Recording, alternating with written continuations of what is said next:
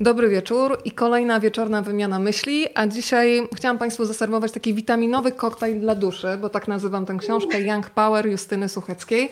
E, co powiesz na taką nazwę, Justyna? Biorę to. musimy to Rafałowi powiedzieć, żeby tak ją reklamował. Strasznie mi się podoba. Mowa oczywiście o Rafale Czechu z wydawnictwa Znak Emoticon. Zresztą też na profilu facebookowym Znaku też jesteśmy, więc pozdrawiamy bardzo gorąco tych, którzy tam nas teraz oglądają. E, ja sobie naprawdę tak skojarzyłam, kiedy czytałam tę książkę, jakbym sobie zrobiła taki świeżutki koktajl owocowy. Wrzucam sobie tam banany, kiwi, świeżą miętę, siedzę w słońcu i piję i z każdym łykiem po prostu to dobro mi się rozlewa w środku. I tutaj Justyna tak było, że czytałam sobie historię młodych ludzi i z każdą stroną robiło mi się cieplej na duszy, przychodziła nadzieja, bo ta nadzieja na lepszy świat ma twarze Twoich y, bohaterów. Zastanawiałam się, od czego zacząć dzisiaj i stwierdziłam, że zaczniemy od y, przyznania się do naszego wieku, czyli żeby Państwo byli świadomi, w jakim wieku osoby mówią o tej młodości. No to ja muszę to powiedzieć 39, chociaż powiem Ci, że jak się zaczęłam zastanawiać, to pomyślałam, 39, ja się czuję na 28 i zawsze się dziwię u lekarza, że, że to jest mój PESEL. No to teraz autorkę poproszę o ujawnienie Auto, wieku. Autorka ma 33, co oznacza, że najmłodsi bohaterowie e, są ponad trzy razy młodsi niż autorka. I wtedy to, to moment, w którym zdam sobie sprawę, że jestem dorosła. To prawda, najmłodszy bohater ma 10 lat, z tego co pamiętam. Najstarsi mają lat 19, e, ale jak to mówią, wiek niekoniecznie musi mieć coś e, wspólnego z człowiekiem, prawda? Age is just a number. Dokładnie, tylko liczba, więc e, w takim razie tak.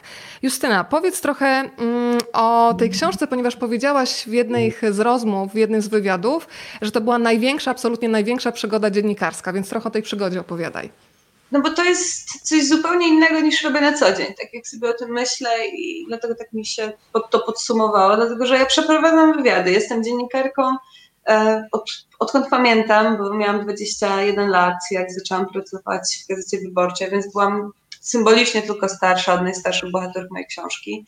No i przeprowadziłam już setkę, ile nie tysiące rozmów do swoich tekstów, ale jednak zwykle rozmawiałam po pierwsze z urzędnikami i z dorosłymi, zwykle z ludźmi, którzy tak naprawdę nie mają ochoty ze mną rozmawiać, raczej w naszej pracy jest więcej takich rozmów, e, w których musimy coś wyciągać, w których nie jest przyjemnie. A nawet jak są takie rozmowy, które są miłe, to jednak trzeba szarpać się o. o trzeba czasami bohatera postawić pod ścianą, żeby wyciągnąć e, bardzo istotne informacje, mówiąc tak, krótko, nawet tak? wtedy, kiedy nie ma się na to zupełnie ochoty. A te wywiady to była jednak rozmowa też wyciągająca, ale czysto przyjemność, bo ja po każdej tej rozmowie miałam takie poczucie, o rany, chcę być jak ten bohater, czy jak ta bohaterka i to jest niesamowite, bo to znaczy, że musiałabym jeździć na rolkach, e, recenzować książki, a drugą ręką... Pływać synchronicznie na przykład. Pływać synchronicznie, a drugą ręką hodować robaki i wszystko to robić najlepiej po prostu po lekcjach. E, tak się nie da, ale właśnie to było zupełnie inny rodzaj rozmów. To były rozmowy, które ode mnie wymagały dużo więcej uwagi, i cierpliwości, ale takiej zupełnie innej niż wtedy, kiedy robię rozmowy dziennikarskie, te do gazety czy teraz do portalu TVN24. Dobry wieczór, machamy do wszystkich, którzy do nas tak. dołączają. Dobry wieczór Pani Elżbieto, dobry wieczór Ola, dzień dobry y, Alino.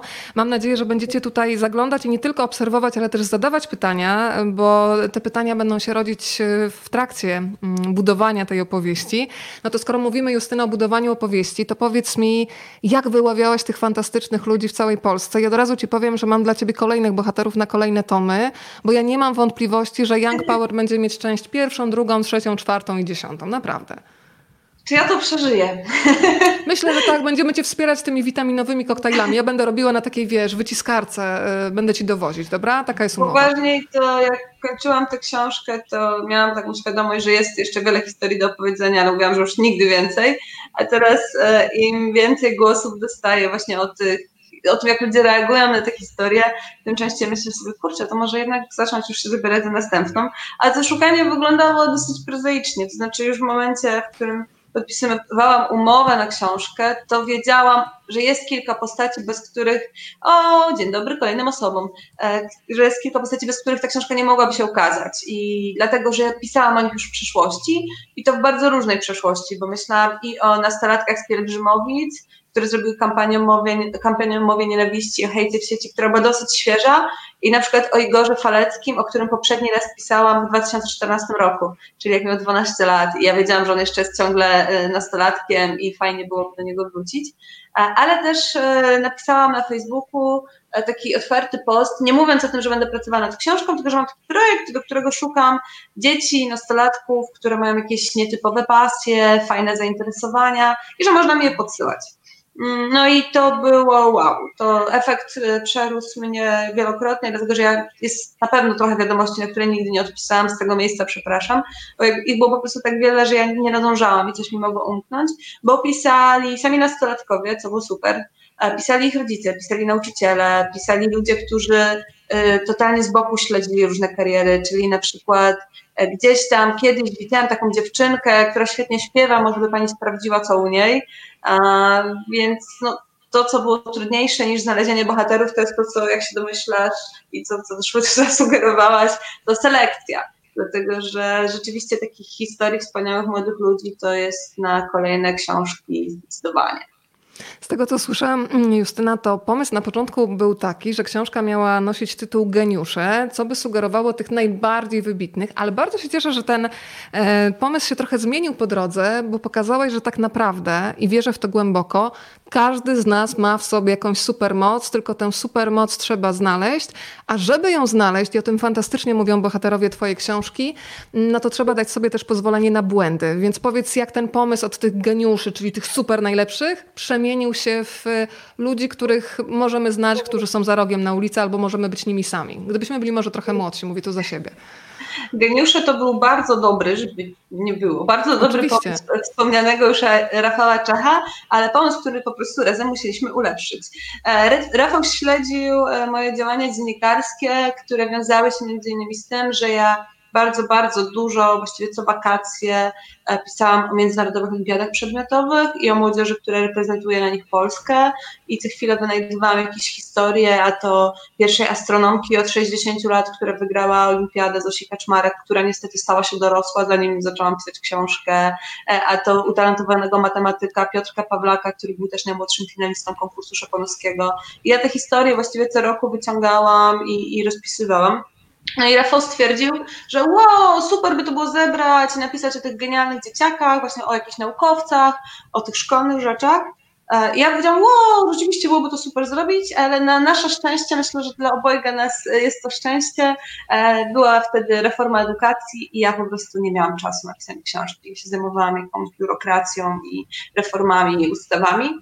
E, I jak Rafał do mnie wrócił z tym pomysłem po roku niemal, ja powiedziałam, wow, świetnie, robimy to razem, ale musimy to zrobić inaczej, bo właśnie dużo o tym myślałam, że chciałabym, żeby, jeżeli już taka książka powstanie, to żeby jej czytelnicy mieli takie poczucie, że to może być każdy z nich, albo że ten bohater ma taką supermoc, ale chodzi, nie wiem, do klasy obok, mieszka trzy bloki dalej, ja to powtarzam prawie w każdej rozmowie, bo rzeczywiście to było dla mnie bardzo istotne. I mówiąc uczciwie, dzisiaj przeczytałam taką recenzję Małgosi Michel, która napisała, że komuś w komentarzu, bo ktoś właśnie zarzucił, że o, nie ma ochoty czytać o kolejnych superbohaterach, o osobach, którymi nigdy nie będzie. A ona właśnie napisała, że miała takie wrażenie po lekturze, że prawie praktycznie każdym z tych osób w jakiś sensie moglibyśmy być, bo okej, okay, może nie będziemy mistrzami świata w jakiejś dyscyplinie, ale tę radość y, czerpaną z jakiejś pasji, czy spróbowanie czegoś nowego każdy z nas może uzyskać. No i mam nadzieję, że, to się właśnie udało. I wtedy padł już pomysł, żeby to było konkretnie nie tylko naukowcy, ale też sportowcy, artyści i społecznicy. Na tych ostatnich szczególnie mi zależało, bo chciałam pokazać, że ta aktywność obywatelska młodych ludzi zaczyna się bardzo wcześnie i wbrew różnym moim kolegom z tej obecnej redakcji i z poprzedniej redakcji, to nie jest tak, że jak ktoś się nie pojawia na jakimś marszu antyrządowym albo marszu poparcia dla jakiejś idei, to nie znaczy, że nie robi nic, żeby ten kraj był lepszy. Tylko ma po prostu swoje sposoby, których może jeszcze nie dostrzegamy. Justyna, wspomniałyśmy już dwukrotnie Rafała z wydawnictwa Znak Emoticon. To od razu Rafał teraz słuchaj bardzo uważnie, ponieważ pojawił się pomysł na kolejną książkę dla Justyny.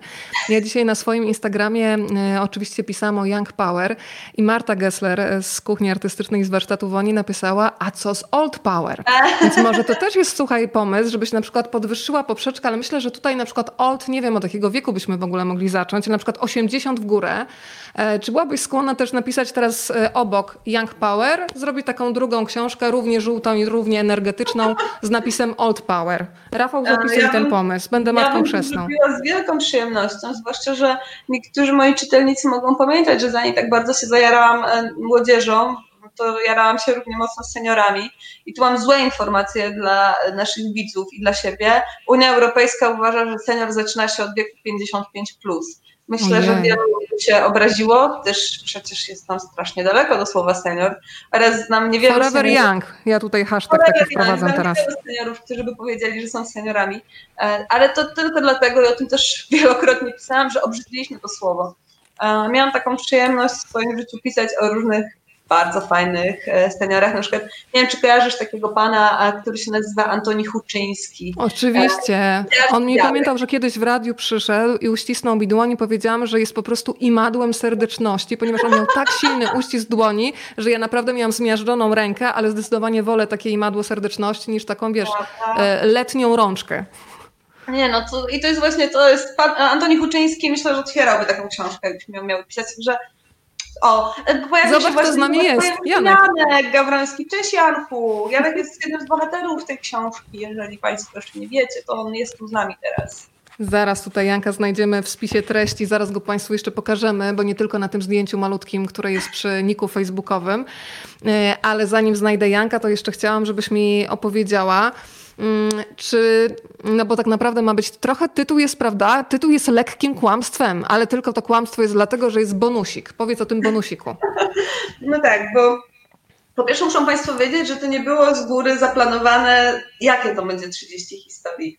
I jak zaczęłam pracować nad książką, którą tak pięknie pokazałaś, to tak się rozpędziłam, że nagle historii zrobiło się więcej niż 30. Dokładnie e, zrobiło się ich 31. Um, Mogę Wam zdradzić, bo jesteśmy w zaufanym gronie czytelników i widzów Weroniki, e, że to dlatego, że ja do samego końca nie wierzyłam, że uda mi się przeprowadzić wywiad gigabowy. I właściwie książka już była gotowa i miałam te 30 historii, e, już wszystkie wywiady spisane i zamknięte, już wysłane do wspaniałej redaktorki Oli Smolej, która jest matką chrzestną tej książki, też należy jej się wspomnienie co najmniej wielokrotne. I wtedy zadzwoniła do mnie pani z wydawnictwa muzycznego Universal i mówi, Pani Justyno, Wiki, jutro, 15 minut. Ja zrobiłam, wow, tak, przy czym oczywiście to nie było 15 minut. E, oni mieli dla mnie 15 minut, ale mnie z Wiki zadbałam. Ale ja wyszarpałam półtorej godziny, co? A półtorej to nie, ale sporo i miny menadżerów były jakieś bardzo zachwycone, za to mi i Wiki rozmawiały się wspaniale.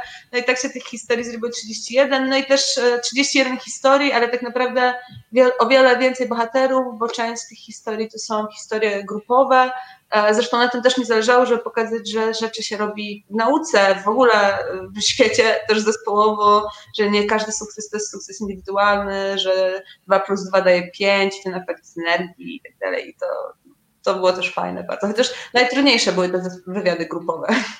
Zobacz, y, skutecznie bardzo podsycasz apetyt na książkę, bo Magda właśnie napisała książka właśnie y, zamówiona, więc jeden egzemplarz zaraz będzie już frunął do kolejnej osoby. Y, bardzo lubię ten moment, kiedy książki znajdują dobre domy, więc ja u Magdy mam nadzieję, że książka będzie bezpieczna. Kolejne osoby do nas dołączają. Dobry wieczór, Pani Angeliko. O, I Martyna jest, Angelika, jest I Angelika na przykład prowadzi taki wspaniał, taką wspaniałą inicjatywę Nastoletni Azyl E, I nie jest bohaterką mojej książki, a mogłaby być. Bo Drugi tom. Wszystko. Drugi tom. E, Angelika, nie kończ za szybko tych tam kolejnych lat, dobra? Słuchaj, o, obiecałam, że... Jest Martyna, uściski dla Martyny. O Martynie jeszcze powiemy pod koniec. E, ale teraz chciałam pokazać Janka Gawrońskiego, tym bardziej, że Janek jest jednym z moich ulubionych bohaterów tej książki, jeżeli w ogóle, oni, w ogóle ich się wszystkich lubi. Ale kiedy czytałam o Janku, to po prostu pomyślałam sobie, że chciałabym mieć taką odwagę jak on, więc ja Janka pokazuję tutaj e, na zbliżeniu, że tak powiem. A ty opowiadaj trochę o Janku, dobra? Och, Janek jest wspaniałym człowiekiem, młodym mężczyzną, o którym będziecie jeszcze wielokrotnie słyszeli, bo jak się komuś dzieje jakaś niesprawiedliwość w świecie, to z dużym prawdopodobieństwem Janek będzie tą osobą, która coś z tym zrobi. I w tym miejscu, skoro jest nas wszystkich tyle i nawet są moje koleżanki z liceum, e, to chciałam wam powiedzieć, co zrobił Janek ostatnio. Mianowicie Janek, e, jak dostał swoją książkę, która jest bohaterem, to od razu następnego dnia, jak ją dostał, przekazał ją na akcję charytatywną dla swojej koleżanki Jagody, która potrzebuje pilnej operacji, więc jeżeli chcecie wesprzeć Janka Jagoda, na przykład kupić książkę, jeszcze jej nie macie, to możecie ją wylicytować od Janka i pomóc Jagodzie, a Janka znajdziecie na Facebooku i na pewno tam jest publicznie udostępniony ten wpis. No i Janek e, jest człowiekiem, który każdego potrafi nauczyć, jak się bije ciche brawa, więc na przykład możecie potrenować teraz przed swoimi komputerami i pobić Jankowi ciche brawa w ten sposób, jakbyście wkręcali żarówki. E, no, dziękuję bardzo, Janek zasłużył, naprawdę. Janek dla Ciebie. Też Janek Janek ma spektrum autyzmu. To sprawia, że nie lubi hałasu, niespecjalnie lubi dotyk, że czasem niektóre rzeczy są dla niego trudniejsze niż dla innych, ale też ma takie supermoce i to jest właśnie ten moment, to ten powód, dla którego poznałam Janka, że właśnie pomaga innym, że się angażuje, że nie odpuszcza, że nie znosi niesprawiedliwości. I to są piękne, szlachetne cechy. Myślę, że jego mama Sylwia może być z niego bardzo, bardzo dumna.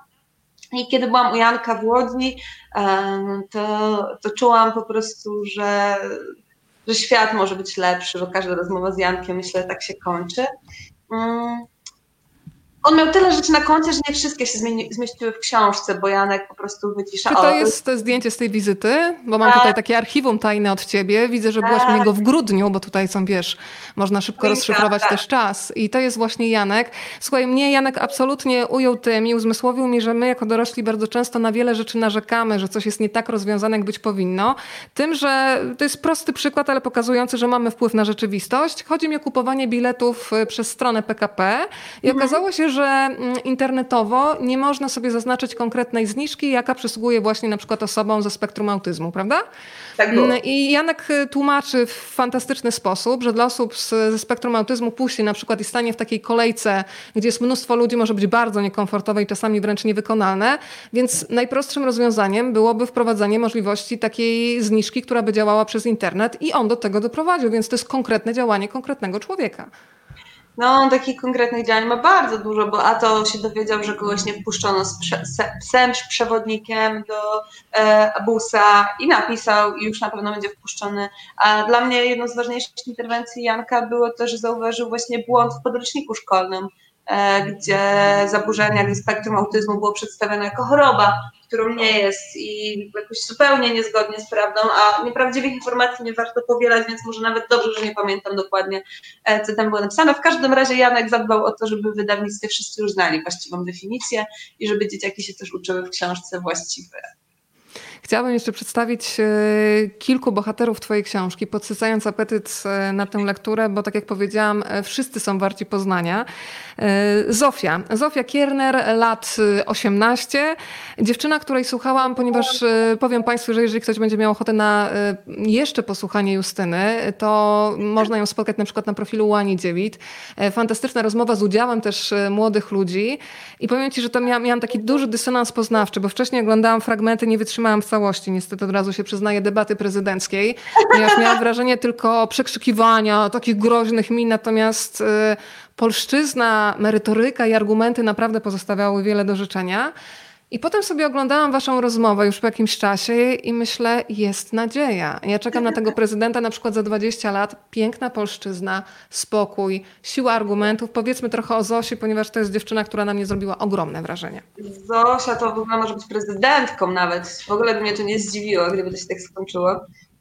Mm, może też powiem, e, jeżeli mówimy o Zosi, jak się Zosi dowiedziałam, bo Zosi napisało do mnie niezależnie kilka różnych osób, e, w tym znajoma dziennikarka. I jak ona do mnie napisała, to miałam takie, e, no Zosia, no fajna jest ta historia, girl power jest ważna, Zosia wspiera dziewczyny w tym, żeby były pewne siebie i tak dalej, ale jak to pokazać? Plus Zosia ma taką historię, że e, no już od wielu lat nie mieszka w Polsce, bo wyjechała jako kilkulatka, najpierw jej rodzice wyjechali do Finlandii, potem wyjechali do Stanów i miałam przez chwilę, przyznaję, taką myśl, że no, miała bardzo komfortowy zbieg okoliczności. Można robić takie fajne rzeczy, jak się tu nie mieszka. Ale potem sobie zdałam sprawę, że to ja idę w straszny stereotyp, bo przecież o Zosi też mi piszą inni młodzi ludzie. Przeczytałam o Zosi też na profilu facebookowym Kiry, czyli innej bohaterki mojej książki, 13-letniej. E, I pomyślałam, kurczę, ja jednak zaczynam myśleć schematami, od których próbuję przecież uciec. No i Zosia, po pierwsze to zaczęła swoją działalność obywatelską jako ośmiolatka. Jej rodzice wysłali ją na rok do, na, e, przepraszam, na miesiąc do szkoły w Łodzi, takiej szkoły, do której normalnie wychodziła, gdyby nie wyjechali za granicę. I ona wróciła do wakacji do domu i mówi, oni się tam źle uczą angielskiego, to wszystko nie powinno tak wyglądać. A już wiedziała, jak to powinno wyglądać, bo sama chodziła do szkoły międzynarodowej. No i zaczęła zbierać książki i od razu zebrała ich jakieś multum i zaczęła te książki na angielskiego zbierać i zbiera je do dziś. Już kilkadziesiąt tysięcy książek przekazała polskim szkołom, co jest super. No, ale w międzyczasie właśnie zaczęła robić takie rzeczy wspierające młode dziewczęta. I to, co ty powiedziałaś, ona wspaniale się prezentuje, świetnie mówi i jest żywą reklamą tego, czym się właśnie chce zajmować, bo to, co chciałaby zrobić dla polskich dziewcząt, dla dziewczynek i nastolatek, e, to jest właśnie nauczenie ich tego, żeby pewność siebie, że ma się powodu do dumy, jak zaprezentować swój pomysł, bo czasem trzeba mieć po prostu te odrobinę wsparcia, które myślę, że Zosia da wielu, wielu innym dziewczynom. Zosia mówi między innymi o tym, jak bardzo różnią się lekcje na przykład w Stanach Zjednoczonych od tych w Polsce. I mówi tak, tutaj każda lekcja to dyskusja. Na przykład jak na historii ma być lekcja o I wojnie światowej, to najpierw w domu musisz przeczytać kilka artykułów na ten temat. Nie chodzi o to, żeby nauczyć się dat ważnych bitew czy nazwisk generałów, tylko o to, żeby przygotować się do rozmowy w klasie. Móc wyrobić sobie własne zdanie, a potem go bronić. Myślę, że to ostatnie jest kluczowe, że każdy z twoich bohaterów nie boi się własnego zdania. Jedna z dziewczyn, która prowadzi mm, blog i recenzuje książki, tak bardzo szczerze mówi, że na początku no to w zasadzie powielała gdzieś tam opinie innych, ale myślę, że dorośli to mają nawet krytycy. Ja czasami widzę takie zachowawcze mm, w nas e, zachowania, e, mhm. które polegają na tym, że tak patrzymy, co na temat tego filmu czy tej książki napisze ktoś inny, a potem, żeby jakoś tak umościć delikatnie w tym, e, że bardzo wielu ludzi ma w sobie strach, żeby sobie pozwolić na własne zdanie. Nawet jeżeli ono będzie kompletnie inne od tego, co ktoś powiedział, tym bardziej, że dla mnie kino na przykład i książki to są emocje. Jeżeli czujesz tak, to nikt cię nie powinien intelektualnie przekonywać, że jest inaczej. No z książkami ja mam często ten problem, że zdarza mi się, że mi się bardzo podobają rzeczy, które nikomu się nie podobały, to znaczy nikomu z recenzentów i potem sobie myślę, że na pewno są też takie osoby jak ja, tylko potem jak już przeczytały te wszystkie recenzje, to boją się napisać na Lubimy Czytać, że ej, nie, to jest wybitne dzieło, tylko wy zupełnie inaczej je odbieracie. Więc tak. No i moi bohaterowie zdecydowanie tego nie mają.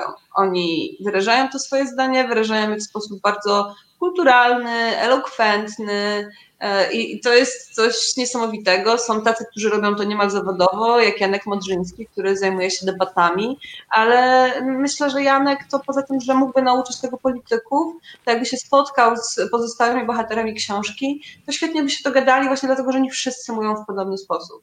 E, I, I, to jest rzeczywiście z moich doświadczeń takich już dziennikarskich, to jest umiejętność, której rzeczywiście w szkole nie trenujemy. Jak pewnie część z Was wie, w tym roku nie będzie ustnej matury z języka polskiego, z zrozumiałych powodów, oczywiście mamy pandemię, to jest trudne do przeprowadzenia, e, ale tak naprawdę jest to egzamin, który od lat e, nie funkcjonuje tak, jak powinien. Bo najpierw były prezentacje, które były szczytną ideą, bo przecież można było przygotować swój projekt i właśnie o nim opowiedzieć. To było dokładnie to, co, o co apeluje Zosia. No ale to wtedy zaczęliśmy hurtowo pisać prezentacje i wyspecjalizowały się całe firmy piszące za młodych ludzi, a w szkole nie było czasu, żeby się przygotować i rzeczywiście to zrobić. Potem zamieniliśmy to na losowanie pytań, które jest jakąś loterią i uczy tylko tego, że szczęście trzeba mieć, żeby poszło nam sprawnie. No i na koniec e, na angielskim nawet nie mówimy za dużo. Są badania, które to potwierdzają, że najwięcej mówi nauczyciel. To nie o to chodzi zupełnie. Mm, no i trochę nie wiem, gdzie jeszcze można by się było tego nauczyć, poza tym, że warto rozmawiać, bo in, innych okazji nie będzie. Szkoła tutaj niestety nie bardzo może pomóc. Chociaż widzę, że jest na przykład z nami Jola Okunieska, e, czyli nauczycielka, która była nominowana do Szkolnego Nobla Jola uczy klasy 1-3 w Olsztynie. Jestem przekonana, że jej trzecioklasiści, jak wchodzą do czwartej klasy, to mówią więcej niż przeciętny czwartoklasista i mówią w sposób wspaniały, no ale nie wszyscy mają taką Jolę w klasie. To prawda, ale wspomniałaś Janka Modrzyńskiego. Ja myślę, że akurat tak jak mówiłaś, Janek by się bardzo przydał teraz przed tymi wyborami, które nie wiadomo kiedy będą, ale no, kiedyś będą. Kiedyś e, będą. Janek tak, e, mówi o tym, e, że na szkoleniach z nim można się spokojnie też nauczyć, jak odróżniać tak zwane fake newsy od tego, co jest prawdą o świecie, że mówi w taki bardzo dorosły sposób, że łatwo się nabrać na to, co może wygląda atrakcyjnie. E, I mówi taką rzecz. Najlepsza dyskusja to taka, w której poznajesz poglądy rozmówcy i próbujesz go zrozumieć. Wtedy możesz się dowiedzieć, że to niekoniecznie ty masz rację, a jeśli rozmawiasz z szacunkiem, łatwiej się pogodzić z tym, że się czasem mylimy. Ludziom, nie tylko dzieciom, przychodzi to zwykle z trudem. I tutaj myślę, że każdy w pierś, przynajmniej w, niejednej rozmowie, debacie, czasami tak zwanej burzy, nie powiem jakiej, na dyskusjach e, facebookowych, każdy z nas mógłby się uderzyć czasami w pierś i, i to przyznać.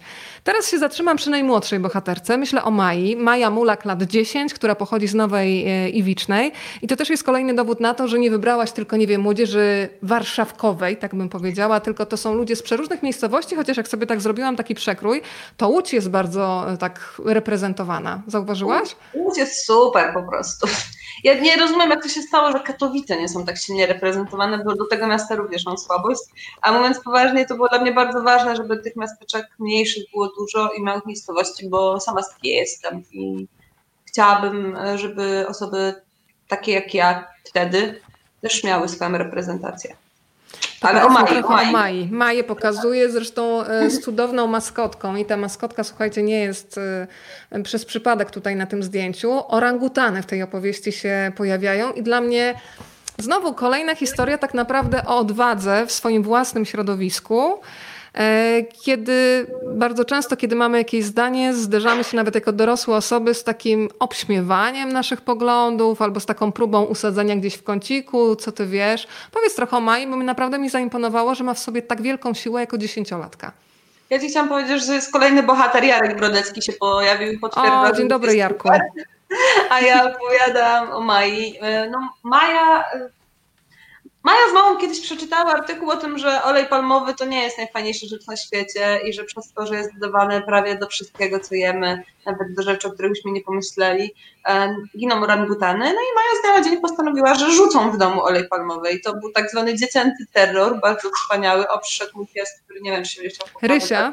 wydarzyć, więc się nie zdziwcie. Um, no i pierwsze co, to Majka poszła do szkoły i powiedziała słuchajcie, drodzy kochani, tu jest taki problem, musimy wszyscy przestać jeść batoniki i różne inne pyszne rzeczy. No, jak się domyślacie, nie spotkało się to z wielkim zrozumieniem. Oczywiście były takie osoby, które, e, o jest Janek, e, które pokiwały głową i powiedziały, że mm, mm, fajnie, fajnie, ale daj mi spokój. No i Majka niestety słyszała o sobie sporo niemiłych rzeczy, co nie jest przyjemne nigdy, bez względu na to, czy się ma lat 10 czy 100 ale się zupełnie temu nie dała. Myślę, że dlatego, że miała w domu bardzo wspierającą mamę, która stwierdziła, że jej dziecko ma prawda, bardzo szalony i bardzo ambitny plan, który wywróci życie całej rodziny, ale że to jest ważne. I, I myślę, że to jest w ogóle klucz tych historii, że wielu tych bohaterów miało takich wspierających rodziców. A sama Majka jest po prostu radosną, elokwentną, dziesięcioletnią dziewczynką, e, której słuchali nawet panowie w garniturach na szczycie klimatycznym w Katowicach. Więc myślę, że dla sprawy orangutanów i oleju palmowego w Polsce zrobiła więcej niż nie jeden urząd, bo wiele osób w bardzo różnym wieku, dzięki temu, że to dziesięciolatka o tym mówiła, usłyszało, że w ogóle jest e, taki problem, a to jest jednak ważne, żebyśmy mieli świadomość. Ja nie oczekuję, że każdy z dnia na dzień zmieni swoje życie. Tak samo jak moi bohaterowie, kiedy opowiadają o różnych ważnych dla nich rzeczach, to oni nie oczekują, że wszyscy nagle przestaną mieć mięso od jutra, albo że przesiądą z samochodów na rowery już za pięć minut, ale oni wszyscy chcą, żebyśmy w ogóle o tym myśleli, bo my po prostu na co dzień o tym nie myślimy.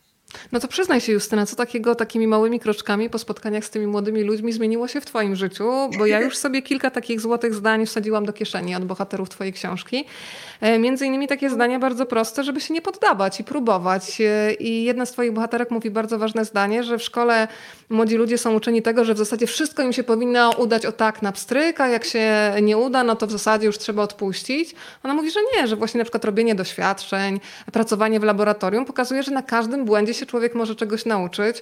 E, no i też kocham wypowiedź z kolei panów, których też opisujesz, którzy mówią, że można mieć dwoje na semestr, ale to nie znaczy, że nie można robić fantastycznych wynalazków i być inspiracją dla innych. I to jest też uwalniające. E, tak, ja w ogóle już to też parę razy mówiłam, więc przepraszam, jeżeli ktoś już to słyszy po raz któryś, ale to, to spotkanie z chłopakami od opaski budzące kierowców, którzy zasypiają zaraz po wystawieniu ocen na semestr i ich opowieści o tym, że właśnie mam dwóje z fizyki, a ja ostatnio prawie, z matematyki, a ja ostatnio prawie zasnąłem na sprawdzianie z fizyki, było bardzo uwalniające, bo to były takie historie, po których ja łapałam oddech i myślałam sobie, tak, właśnie o tym to jest wszystkim, że oni są wszyscy, moi bohaterowie, fajni, bo normalni, bo to nie jest projekt rodziców, że mają coś robić, bo to nie jest to, że ktoś im wymyślił takie zadanie w szkole i oni je teraz realizują, to są wszystko ich pasje, ich zaangażowanie, ich talenty e, i to było ważne. Ja się nauczyłam na pewno mm, szczerze, że warto Szczerze. się chwalić i o. to jest coś bardzo trudnego, myślę, że dla nas wszystkich. Myślę, że, przepraszam, jeżeli tak powiem, ktoś się teraz obrazi, ale myślę, że trudniejsze mimo wszystko dla kobiet niż dla mężczyzn. E, Zgadzam się z tym. Widziałam po rozmowach z, naszymi, z moimi bohaterkami, to też widziałam z takiego prostego powodu, że właśnie jak napisałam, że szukam bohaterów, to zgłosili się praktycznie sami chłopcy, e, że dziewczy, dziewczyny raczej zgłaszał ktoś inny. Mm, nauczyłam się, myślę, trochę więcej e, cierpliwości i to od nich, ale też e, przy pracy nad tym projektem jako takim, bo ja nigdy wcześniej nie. Idealnym, takim idealnym w rozumieniu wydawniczym, wymyślonym odbiorcą tej książki jest dziesięciolatek, 10-11-latek. Jest ma, ma, mały czytelnik. E, ja się bardzo cieszę, że czytają dorośli, czytają starsi, ale jak pisałam, staram się wyobrazić właśnie taką osobę, nigdy wcześniej tego nie robiłam. Ja piszę na co dzień dla dorosłych. Co prawda redaktorzy przez lata zawsze powtarzają, że masz napisać tak tekst, żeby go zrozumiała twoja babcia, ale to nie jest to samo. I pamiętam, że jak pierwsze teksty wróciły z uwagami Oli i takimi redakcyjnymi, to ja zrobiłam takie, o mój Boże, na co ja się porwałam, ja nigdy tego nie napiszę. Jakbym miała to napisać dla dorosłych, to to zrobiła po prostu w dwa tygodnie, zamknęła, wszystko fajnie, mamy gotową książkę. A tymczasem nagle muszę zrobić tę opowieść zupełnie inaczej. Muszę zejść na inny poziom szczegółów zupełnie. Rzeczy, które mi się wydawały ciekawe, jak liczby czy daty, Ola powiedziała, haha, jasne. E, potem zaczęłam używać różnych inwersji i innych fajnych rzeczy stylistycznych, a Ola powiedziała, chyba nie. E, I takim momentem przełomowym było, część bohaterów mojej książki słyszała ode mnie, bo też im tłumaczyłam, dlaczego to nie będzie poważny tekst naukowy i nawet jak mi opowiadają o różnych skomplikowanych rzeczach, jak katalizator, e, czy inne trudne słowa, które się w tej książce pojawiają, to muszę to tak zrobić, żeby to zrozumiał ktoś młodszy i żeby to ja zrozumiała. I Ola powiedziała, że wielu dziesięciolatków jeszcze to trzecia, czwarta klasa jeszcze czyta w ten sposób i tak działała na moje emocje, że przypomnij sobie, jak byłaś w tym wieku i czytałaś książkę i przesuwałaś zdania zakładką, żeby się nie pogubić. Ojej, jakie fajne wspomnienia mi uruchomiło tak taki pół czasu. To w ogóle zmienia perspektywę pisania, totalnie, bo nagle twoje zdania są trzy razy za długie, bo one nawet jak dwa razy przepłyniesz linijką, to się nie mieszczą. I ja sobie, aha, to o to w tym chodzi. I Pomysłowy Dobromir, taka chmurka się, ta, wiesz, ta tak, żarówka tak, nad głową. Tak. Nie? W tym sensie tej historii, bo jakby ta moja praktyka pisania z tym, co mi opowiadali ci młodzi ludzie, to jest największa lekcja cierpliwości i pokory, jaką odebrałam w życiu. E, bo musiałam inaczej rozmawiać, inaczej pisać, musiałam przyjąć do wiadomości, że nie umiem tego robić i że nie będę w tym najlepsza na świecie i że Ola zna się lepiej niż ja i po prostu jak mi coś mówi, to po prostu tak jest. Znaczy, ja mogę Lekcja pokory odebrana.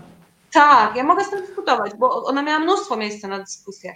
Ale że właściwie jak ja czytam to, co ona do mnie pisze, to ja nie miałam z czym dyskutować. Bo ja po prostu wiedziałam, że ona ma rację, a argumentuje tak dobrze jak Janek Modrzyński, więc Ola Smoleń, jakby kiedyś Państwu przyszło pracować z tą genialną redaktorką, po prostu i słuchajcie, ona wie, co mówi.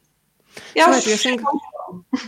Sięgam teraz do tajnego archiwum. E, ja Aha. już trochę wiem, trochę znam historię tego zdjęcia, ale myślę sobie, że to są najpiękniejsze momenty dla e, autorów książek, bo to jest tak, powiedzmy sobie Justyna szczerze, że są czasami takie momenty zwątpienia, nawet jeżeli się pracuje na najbardziej, na, na fantas nad fantastycznym tematem, że masz wrażenie, że nie złożysz nigdy tej książki, że to ci się jakoś wymyka, ale potem, kiedy przychodzą właśnie spotkania z, e, autorskie, kiedy przychodzą listy od czytelników, to w ogóle wtedy człowiek wie, po co to wszystko robił.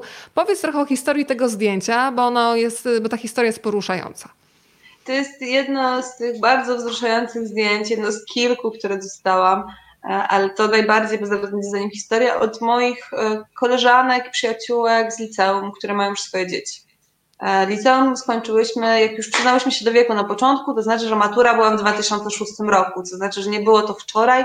Wszyscy to są na pewno dobrzy z matematyki, już mogą sobie policzyć, co tam się mogło Twoja wydarzyć. matura wtedy była. Hm, ja tak, nie powiem, kiedy była. Moja matura i matura mamy dziewczynki ze zdjęcia, czyli małej M, e, mojej przyjaciółki z liceum, która na tym zdjęciu bada ziemię a bada tę ziemię, dlatego że mama jej dzień wcześniej przed snem przeczytała pierwszą historię z tej książki, historię o Jarku Brodeckim, który już zna to zdjęcie, nie wiem czy jeszcze tu z nami jest, ale był E, i myślę, że go to podobnie jak mnie wzruszyło, no bo e, mała M ma 5 lat, więc to też nie był ten czytelnik, którego ja sobie wyobrażałam, a nagle się okazało, że takich czytelniczek i czytelników jest sporo, bo rodzice czytają im te historie przed nami, to jest ekstra. No i o małej M wiem również, że poza tym, że już badała glebę, to też już zrobiła orkiestrę z piaskownicy, bo przeczytała o Igorze Faleckim, czyli utalentowanym perkusiście e, i nie wiem, czy jest coś, co może bardziej autora, autorkę wzruszyć niż takie reakcje na tego typu książkę.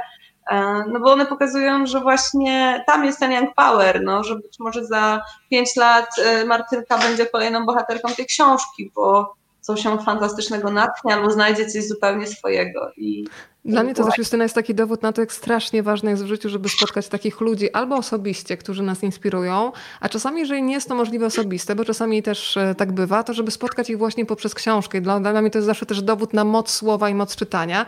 Jeszcze bym bardzo, słuchaj, chciała, żebyś rozszyfrowała historię tego zdjęcia, bo ja się sama zastanawiam, celowo cię nie pytałam przedtem, e, czy to jest jakaś tablica, nie wiem, tajna w twoim domu, czy to jest e, tajna tablica jednego z bohaterów? Opowiadaj. Nie, i myślę, że może nawet są tu tacy, którzy rozpoznają tę tablicę.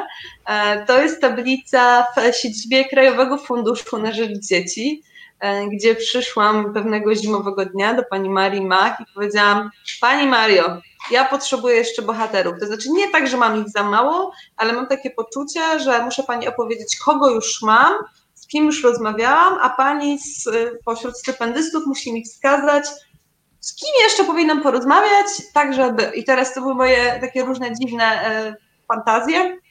Czyli, żeby chciał ze mną rozmawiać, żeby najlepiej nie był z, tylko z dużego miasta, żeby to byli i chłopcy, i dziewczyny, żeby to nie była tylko pasja naukowa.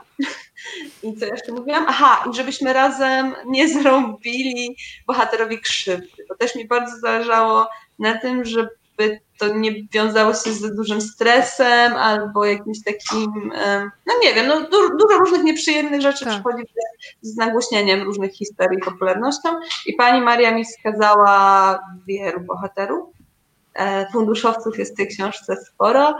E, niektórych już miałam wcześniej, właśnie znowu Jarek, który widzisz napisał, że to wzruszenie tygodnia było zdjęcie Mardynki. Ja naprawdę się nie dziwię. to, to prawda. Było no i fundusz jest takim miejscem, które jest dla mnie bardzo ważne przy tej książce i staram się o tym mówić w każdym wywiadzie, bo mam wrażenie, że to za mało wybrzmiewa, bo jest to instytucja, w której nie daje się stypendiów takich klasycznych, to znaczy nie rozdaje młodym ludziom pieniędzy, pieniędzy, tylko rozdaje wsparcie. I to wsparcie, które rozdaje, to jest e, możliwość e, pracy w laboratoriach, wyjazdu na obozy naukowe, e, wsparcie mentorów. No i to, co dla mnie jest jakoś takie szczególnie ważne, ono sprawia, że moi bohaterowie nie czują się, są nadal wyjątkowi, ale nie czują się samotni, bo poznają ludzi o bardzo podobnych pasjach albo o innych pasjach, które się mogą skończyć jakimś fantastycznym wynalazkiem czy jakimś nowym odkryciem. E, Władek, jeden z bohaterów tej książki, właśnie z kolegami z funduszu, pracuje nad samolotem, który lata w dwie strony, bo takiego bohatera też tu mamy. E, Jarek mi opowiadał o innych funduszowcach. Zresztą dzisiaj Ola oto, jedna z bohaterek, wrzuciła zdjęcie z książką i oznaczyła ludzi, których zna i znała jedną trzecią bohaterów tej książki osobiście, więc e, dla mnie to trochę magia, bo jak się z nimi umawiałam, to nie miałam pojęcia, kto kogo zna i skąd może go znać. Kolejne zdjęcia, słuchaj, czy tak wygląda stanowisko pracy pisarki? Bo wiesz, zawsze to wszystkich interesuje, jak przebiegają prace. Ja widzę, że tutaj Aha. bardzo porządna była kanapka, e, żeby była Aha. siła do pisania, Aha. ale wygląda mi to na jakąś kawiarnię. Czyli pisałaś w kawiarniach? E, tak. Myślę, że trzy czwarte tej książki powstało e, w Cafe Nero przy, święt, na skrzyżowaniu Świętokrzyskiej Nowego Światu, co jest jakieś 100 metrów od mojego domu. Czyli ja mogłam tę kawę pić u siebie i tam pracować i pisać, ale nie byłam w stanie, absolutnie. E, I w weekend, e, inaczej, jeszcze w tygodniu to w miarę szło mi pisanie w domu, ale w weekendy nie było takiej opcji. Ja po prostu e, skakał na mnie Netflix i musiałam wszystko obejrzeć, posprzątać. Boże, przecież musiałam wtedy posprzątać, no przecież ta kuchnia tak strasznie wygląda i, i w ogóle, więc pakowałam ten komputer. Tak, wtedy nawet sprzątanie jest atrakcyjne, jak trzeba pisać. Wszystko jest atrakcyjniejsze. Jak trzeba pisać, zwłaszcza jak jest deadline, E, to tych znaków nie przybywa. No i chodziłam właśnie do tej kawiarni, zawsze do tej samej i zwykle siadałam w tym miejscu e, i nawet jak e, kończyłam już pisać, to sobie myślałam, że jak już ją napiszę, to przyjdę z egzemplarzami, bo tam jest taka wspaniała też szafka z książkami, z książkami, które można sobie czytać w kawiarni i brać i że im dam takie z dedykacją, że ta książka tu powstała i że ja serdecznie pozdrawiam no ale wtedy przyszła pandemia, więc ja nawet nie wiem, czy ta moja kawiarnia jest w tej chwili chociaż w części czynna, wydaje mi się, że nie. To, co wyczekane, dużo bardziej smakuje. Kiedyś ten moment nastąpi, Justyna. Tak, naprawdę. Ja przyjdę z tymi książkami i powiem, oni już, inaczej, oni już wiedzieli, co ja zamawiam, bo ja tam miałam kanapka, kawa, sok pomarańczowy. Ja się śmiałam, że po prostu przejadam i przepijam wierszówkę całą e, w kawiarni, ale ja tam naprawdę świetnie pisałam. Ja wkładałam słuchawki, ja nawet nie siedziałam na Facebooku, jak tym byłam. Naprawdę mam się bardzo dumna. Także jest to wyjątkowe miejsce. Słuchaj, y, wspomniałaś przed chwilą o Oli Oto y, i to jest kolejna fantastyczna historia. Ola ma lat 19, pochodzi z Krzyża. E, no i proszę sobie wyobrazić, że w 2017 roku, czyli 3 lata temu, skończyła gimnazjum i zaraz potem, uwaga, odbyła staż w pracowni bioinżynierii Fundacji Rozwoju Kardiochirurgii imienia profesora religii w Zabrzu. I mhm. od razu powiedzmy, że jest, to naj, że jest najmłodszą osobą, której taka sztuka się udała. E, powiedzmy trochę o niej, bo dla mnie to jest kolejna historia o przekraczaniu granic. E, I nawet jeżeli ktoś ci powie, że coś jest nie dla ciebie, bo jesteś za młody, to sprawdź i spróbuj przynajmniej uchylić te drzwi a może się udaje otworzyć na oścież i jej się udało. No Ola po prostu napisała maila, jakby to nic nie kosztuje.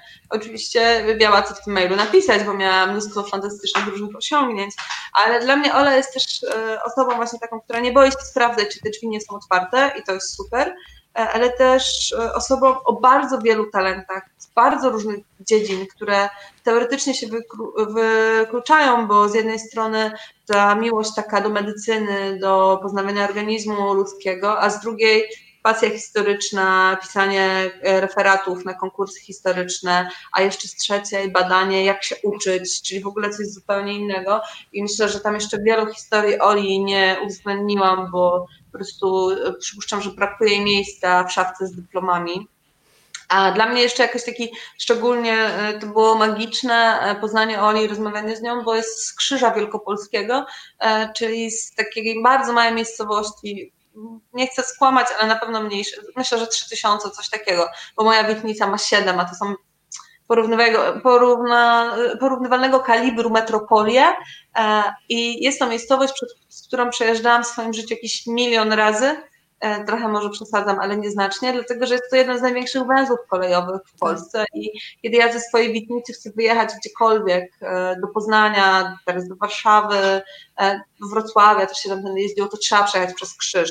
Ja wielokrotnie przesiadałam się w krzyżu, spędzałam czas na dworcu, uciekał mi pociąg, mam in, ileś osobistych historii i w końcu znam kogoś z krzyża tak naprawdę. I Ola zawsze mówi, że teraz już będę mogła wysiąść z pociągu i przyjść na kawę i to jest coś, co w ogóle nie ma nic wspólnego z e, wspaniałą historią Oli, ale jakoś sprawia, że mi jest tak miło teraz na sercu. Ale wiesz co, ja ci też trochę zazdroszczę, może się podzielisz kiedyś kontaktem, mam nadzieję, że nam się nie przyda, ale myślę, że jeżeli będziemy mieć kiedyś, nie wiem, jakieś stany przedzawałowe czy komplikacje sercowe, to jest Ola, szansa, że Ola będzie tym kimś, kto nam pomoże, e, bo ona się będzie pewnie też rozwijać trochę w tym kierunku, żeby się, nie wiem, zagłębić w chorobach wieńcowych, w tych rzeczach, które im będziemy starsze, starsi, tym no, mogą nas jednak dotyczyć power wtedy, wiesz? To może tak, to wtedy będzie Old Power. Ja będę rozmawiała z Tobą o tej książce, tak. Książka zamówiona, dziękujemy wspólnie z Jeremi. Marta. Marta jest y, fantastycznym człowiekiem z kina Muranów. Y, uściski strasznie za Wami też tęsknię za kinem Muranów. To, to osobna historia. Słuchaj, Tymon niech się pojawi w tej opowieści. Tymon Radzik, lat 19 z Zielonej Góry, powiedział słowa, które spowodowały, że ja muszę chyba napisać kilka listów y, do różnych instytucji, na które się wściekałam wielokrotnie, ponieważ absurdalne rozwiązania powodowały, że no, powinno się coś zmienić i to nawet bardzo dużo. Wiesz co, nawet przypomniałam sobie konkretną historię ze swojego ślubu, gdzie w urzędzie, mm, kiedy okazało się, że chcę, żeby była na nim osoba niepełnosprawna, okazało się, że sala była na pierwszym piętrze i pan mi powiedział w urzędzie, mimo że z ustawy urząd ma być dopasowany tak. dla wszystkich, e, jest pan portier i on pomaga wnosić. Ja mówię, proszę pana, ale pan by chciał być wnoszony jak paczka, no może jest jakaś inna sala. Nie ma, tylko tak można, więc faktycznie specjalnie wychodziłam z urzędu, żeby nikogo nie, żeby każdy się czuł po prostu komfortowo i dobrze, mógł skorzystać z toalety, być na miejscu. I chyba, wiesz co, ja chyba w końcu napiszę list do tego urzędu stanu cywilnego, żeby przynajmniej inni mieli naprawdę łatwiej. Bo Tymon powiedział cudowną sprawę, która jest bardzo uniwersalna i myślę, że każdy z nas, każdy z Państwa, który jest po drugiej stronie, co najmniej raz się spotkał z jakimś absurdem. I Tymon powiedział tak, mamy w życiu wiele takich małych spraw, rzeczy, które nie działają.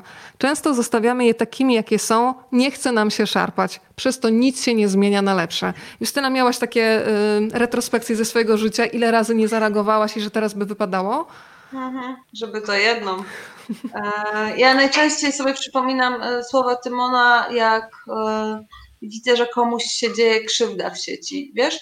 Że jak mhm. widzę jakiś taki zmasowany hejt albo widzę jakieś komentarze negatywne i wtedy sobie przypominam, że to jest właśnie te trzy sekundy, w których ja muszę kliknąć kosz albo kliknąć zgłoś to, albo kliknąć administratora, czy cokolwiek, gdziekolwiek jestem, bo to są właśnie te małe sprawy, które mnie osobiście wkurzają, czyli kultura języka w sieci. E, Tymon e, odnosił się do swojej historii z życia, czyli do momentu, kiedy jechał do szkoły, zaraz po przeprowadzce do Warszawy, bo on jest z Lubuskiego, tak jak i ja, ale e, do szkoły średniej przyjechał do Warszawy, przyjechał do jednego z najlepszych liceów w Polsce, zrozumiałe. No i czekał na autobus na Powiślu i autobus nie przyjeżdżał. No a Tymon, Tymon miał matematykę i teraz wszyscy jesteście w stanie y, sobie wyobrazić, co to znaczy nie przyjechać na matematykę albo spóźnić się na matematykę. No, Uruchamiasz traumę z mojego liceum, naprawdę bardzo dużo, ale dobrze. No, myślę, że, że wiele traum się teraz uruchomiło. On dotarł do tej szkoły, dlatego że wziął Ubera, zapłacił za niego około 20 zł pewnie. No i minął mu ten dzień w szkole i jakby wszystko mogło być normalnie, ale on pomyślał, kurczę, to nie może tak być, bo to nie jest tak, że ten autobus się spóźnił dwie minuty, on po prostu przez 20 minut nie przyjeżdżał. E, I to jest nie fair, bo każdą inną usługę można e, zareklamować, a dziwnym trafem e, jakoś pogodziliśmy się wszyscy z tym, że komunikacja nie działa na czas. Tak jak ja z tego czasu się pogodziłam, że w krzyżu zawsze się czeka. No to nie może tak być, bo to nie wynika z żadnych racjonalnych powodów. Wszyscy znamy te historie z pociągami, że tego lata jest za ciepło, a tej zimy za zimno. I ta zima, która zaskakuje drogowców i ileś takich rzeczy. Taki mamy klimat, nie? Tak, taki mamy klimat, no jasne, możemy się tak zasłaniać, ale są jednak pewne rzeczy, na które mamy wpływ. No i Tymon chciał mieć wpływ i to zrobił, po prostu sądził się z e, przewoźnikiem, a właściwie z operatorem przewozu, bo tak jest formalnie poprawnie, no i musieli mu za ten bilet oddać. 19-latek, przypomnijmy żeby nie było. To teraz jeszcze chciałam e, pokazać kolejnego mężczyznę. E, Władysław Sowul, słuchaj. Ja nie wiedziałam, mhm. że tak można, że jednocześnie można być i licealistą i studentem. Jak to jest możliwe, opowiadaj, bo e, wiele osób myślę, że też będzie równie zdziwiona jak ja. Przy okazji mamy pozdrowienia od Majki, od, orangut od orangutanów. Mamy mamę chyba, prawda? Tak, tak. No więc można, tylko trzeba czytać. E, w przypadku Władka to trzeba czytać regulaminy. Władek przeczytał regulamin Politechniki i stwierdził, że skoro tam jest napisane, że można tak bez matury chodzić na zajęcia, no to czemu nie? I formalnie to jest tak, że on studiuje. Ten status studenta nie jest taki jak każdego normalnego studenta, bo jednak matura jest warunkiem przejęcia studiów, ale on zalicza normalnie egzaminy, chodzi na zajęcia. Mało tego, jest przewodniczącym koła naukowego e, na uczelni czyli kieruje ludźmi, którzy są od niego parę lat starsi i im to w ogóle nie przeszkadza. E, ja bardzo kocham też, bo Władek dosyć poważnie wygląda. E, to, to jego I przystojnie też, nie? Tak przy okazji. Oczywiście, oczywiście, że przez parę miesięcy się nie zorientowali koledzy, że on jest tym chłopakiem. Znaczy, tym najmłodszym. że jest jakiś młodzieniaszek z liceum, e, ale hmm, nie wiadomo który. No i Proszę bardzo, wystarczy po prostu się zorientować. Rzeczywiście jest tak, że na różnych uczelniach wygląda to w różny sposób. To może być status wolnego słuchacza, to są czasem specjalne, indywidualne toki nauczania itd., tak itd., tak ale jak komuś się nudzi za bardzo w szkole podstawowej lub w liceum, to naprawdę może zrobić jedno i drugie i Władek jest świetnym przykładem. Ty, dzięki Twojej książce też Justyna dowiedziałam się, że na przykład istnieje Międzynarodowa Dziecięca Nagroda Pokoju, nazywana Dziecięcym Noblem. Dowiedziałam się, że są specjalne szczyty, podczas których też się spotyka młodzież i myślę, że to też jest... Yy bardzo ważna informacja dla dorosłych. Myślę o rodzicach, ale też o nauczycielach, o wujkach, o ciotkach, o tych wszystkich ludziach, którzy powinni być w życiu młodych ludzi takimi mm, osobnikami wspierającymi, tak bym to nazwała, żeby podsuwać te wszystkie inicjatywy, y, zgłoszenia, gdzie dzieciaki mogą tak naprawdę rozwijać swoje talenty. Czasami nie wiedzą, gdzie szukać. Wystarczy mhm. podrzucić adresy i nagle budzi się naprawdę taka kreatywność i radość w ogóle tworzenia.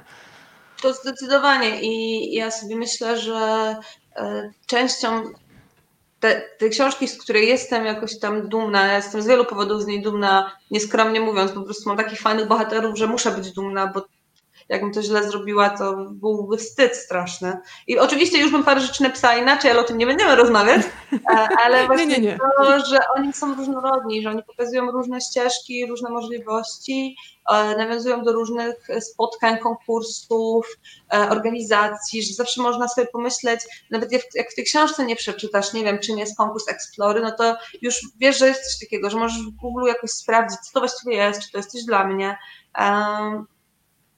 Ja bym chciała oczywiście, żeby jak najwięcej o tym mówili, pokazywali nauczyciele, ale mamy trochę taki problem i on nie wynika nie z zła wola szkoły czy, czy w ogóle systemu. To po prostu tak jest, że bardzo łatwo nam jest e, założyć, że coś jest nie dla nas. Że jak się chodziło do szkoły, to pewnie też pamiętasz, że był, nie wiem, wymyślam teraz, e, konkurs z mhm. fizyki i to od razu na starcie myślałaś, z fizyki, to nie dla mnie. A tam się na przykład okazywało, że ten konkurs z fizyki, jakby tylko przeczytać regulamin, nie polegał na rozwiązywaniu zadań, tylko na przykład na przeprowadzeniu eksperymentów w grupie. I to może był właśnie konkurs dla ciebie, tylko po prostu nigdy się o tym nie dowiedziałaś. E, I trochę rolą nauczycieli i rodziców jest ośmielanie młodych ludzi do tego, żeby sprawdzali te rzeczy, żeby się nie dowiadywali. I nawet nie chodzi, zwłaszcza nie chodzi o konkursy, bo ja nie mówię o czymś e, co zmusza czy zachęca do rywalizacji, ona jest fajna, ale nie jest konieczna, ale że nie wiem, jak działa jakieś koło z robotyki, a ty akurat masz dwóje z matmy, to nie znaczy, że to nie jest dla ciebie, bo może akurat jest, bo może nie jesteś w stanie jeszcze ogarnąć układów równań, bo coś tam nie zaskoczyło do końca, e, ale może na przykład jesteś w stanie ogarnąć język programowania, nie wiesz tego, nie spróbujesz i, i to jest chyba takie cenne i ważne. To ten wątek jest rozwinięty też w rozmowie z Justyną Jaworską, dziewiętnastolatką ze Szczecina, e, która udowadnia, tak jak wspominałeś, że matematyka to nie, na przykład no, ta fizyka jest blisko dla mnie matematyki, czyli też czarna magia, że matematyka to wcale nie tylko liczenie, to przede wszystkim logiczne myślenie i szukanie rozwiązań, czyli właśnie zagadki, łamigłówki. E, I to jest e, dziewczyna, która rok temu podczas finału Olimpiady Matematycznej znalazła się wśród 129 uczestników, z czego tylko 12 12 to były dziewczyny. Pierwsza polska matematyczna olimpijka od lat 20. E, od 59 roku, wyobraźcie sobie, Polkom udało się zdobyć trzy medale, ale to jest też fajny punkt wyjścia, który snujecie do takich rozważań na temat tego, że bardzo często to, o czym wspominałeś przed chwilą, dziewczynom od początku się jakoś tak mówi, matematyka to nie dla ciebie, nie przebijesz się przez to męskie środowisko, a tymczasem jeżeli ktoś ma zdolności, to naprawdę ta płeć nie ma najmniejszego znaczenia, ale mimo, że jesteśmy w XXI wieku, to Justyna, nie wiem jak ty, ale ja mam wrażenie, że cały czas te uprzedzenia są podtrzymywane te stereotypy, że dziewczyny, matematyka nie, to się nie uda. To pokutuje i to nawet jeżeli nie pokutuje w takim negatywnym wydźwięku, czyli że właśnie ktoś mówi ci, że matematyka to nie dla ciebie, to ci po prostu tej -hmm. matematyki nie podsuwa, tylko mówi ci, zobacz, to jest taki fajny konkurs na opowiadanie. Albo zobacz, to jest taka fajna książka i to nie jest w ogóle złe, tylko tak. chodzi o to, że często nie dajemy tych e, rzeczy związanych z e, matematyką, z szeroko pojętą przyrodą, z tą grupą science, e, dziewczynkom, jako ich alternatywę. A one same z siebie mogą nie wiedzieć, że mają do tego zdolności. Zwłaszcza, że często, zwłaszcza w tych najmłodszych latach, to też jest jakieś takie doświadczenie moje dziennikarskie, kiedy obserwuję te historie. W tych klasach 1, 3 czy nawet 1, 6 zwykle dobrzy uczniowie są dobrzy we wszystkim. Nie licząc oczywiście wyjątków, którzy są wybitni z jednej dziedziny, reszta leży, jest ta grupa uczniów, którzy są po prostu dobrzy ze wszystkiego, bo chłoną wiedzę, bo są ciekawi świata i łatwo im to przychodzi. I potem gdzieś jest ten moment, w którym wszyscy startują w, w kangurze matematycznym. Myślę, że jest to konkurs matematyczny, który prze, e, przewinęło się najwięcej młodych ludzi w e, Polsce. E, no i nagle z jakiegoś powodu część z nich przestaje. Przecież nie dlatego, że nie wygrywa, bo tych zwycięzców jest nadal mało, tylko dlatego, że nikt ich nie ciągnie i nie mówi im, to może być dla ciebie. A na tym pierwszym etapie, moim zdaniem, tych dziewczyn jest naprawdę, naprawdę dużo. O, zobacz, taki komentarz pana Bartka. Jest Bartek, pisze tak. Moja mama zawsze mówiła, że ja nie mam zdolności językowych. Od małego słyszałam, że moja siostra tak, a ja nigdy nie będę mówił po angielsku. Cóż, dziś mówię płynnie. Nie dajmy sobie wmówić, że w czymś nie jesteśmy dobrze zdolni, wszystko można. E, to prawda. Kolejny komentarz. A przy okazji, słuchajcie, zachęcam was do tego, żebyśmy komentowali, witali się, ale jeżeli macie pytanie też do Justyny dotyczące bohaterów, e, jej pracy, najtrudniejszych, najzabawniejszych, jakichkolwiek momentów, to śmiało. To jest trochę tak, że właśnie dzieciaków nie trzeba zachęcać. Ja ci przytoczę, skoro mówimy o dzieciakach. Słuchaj, najbardziej chyba śmieszne spotkanie autorskie, jakie miałam okazję prowadzić z dziećmi, to było spotkanie z Adasiem Wajrakiem. E, Aha. I kiedy zapytałam, czy są jakieś pytania, wstała dziewczynka w kinie, to było w kinie Elektronik, i powiedziała, czy pomógłby mi pan zidentyfikować jaszczurkę, którą kiedyś znalazłam. No i Adaś mówi, że jasne, tylko wiesz, musimy się jakoś umówić, jak mi ją przyniesiesz. Tak się składa, że mam ją w kieszeni. Wyjmuje takie zasuszone truchło, cała sala już płacze ze śmiechu, wchodzi na scenę.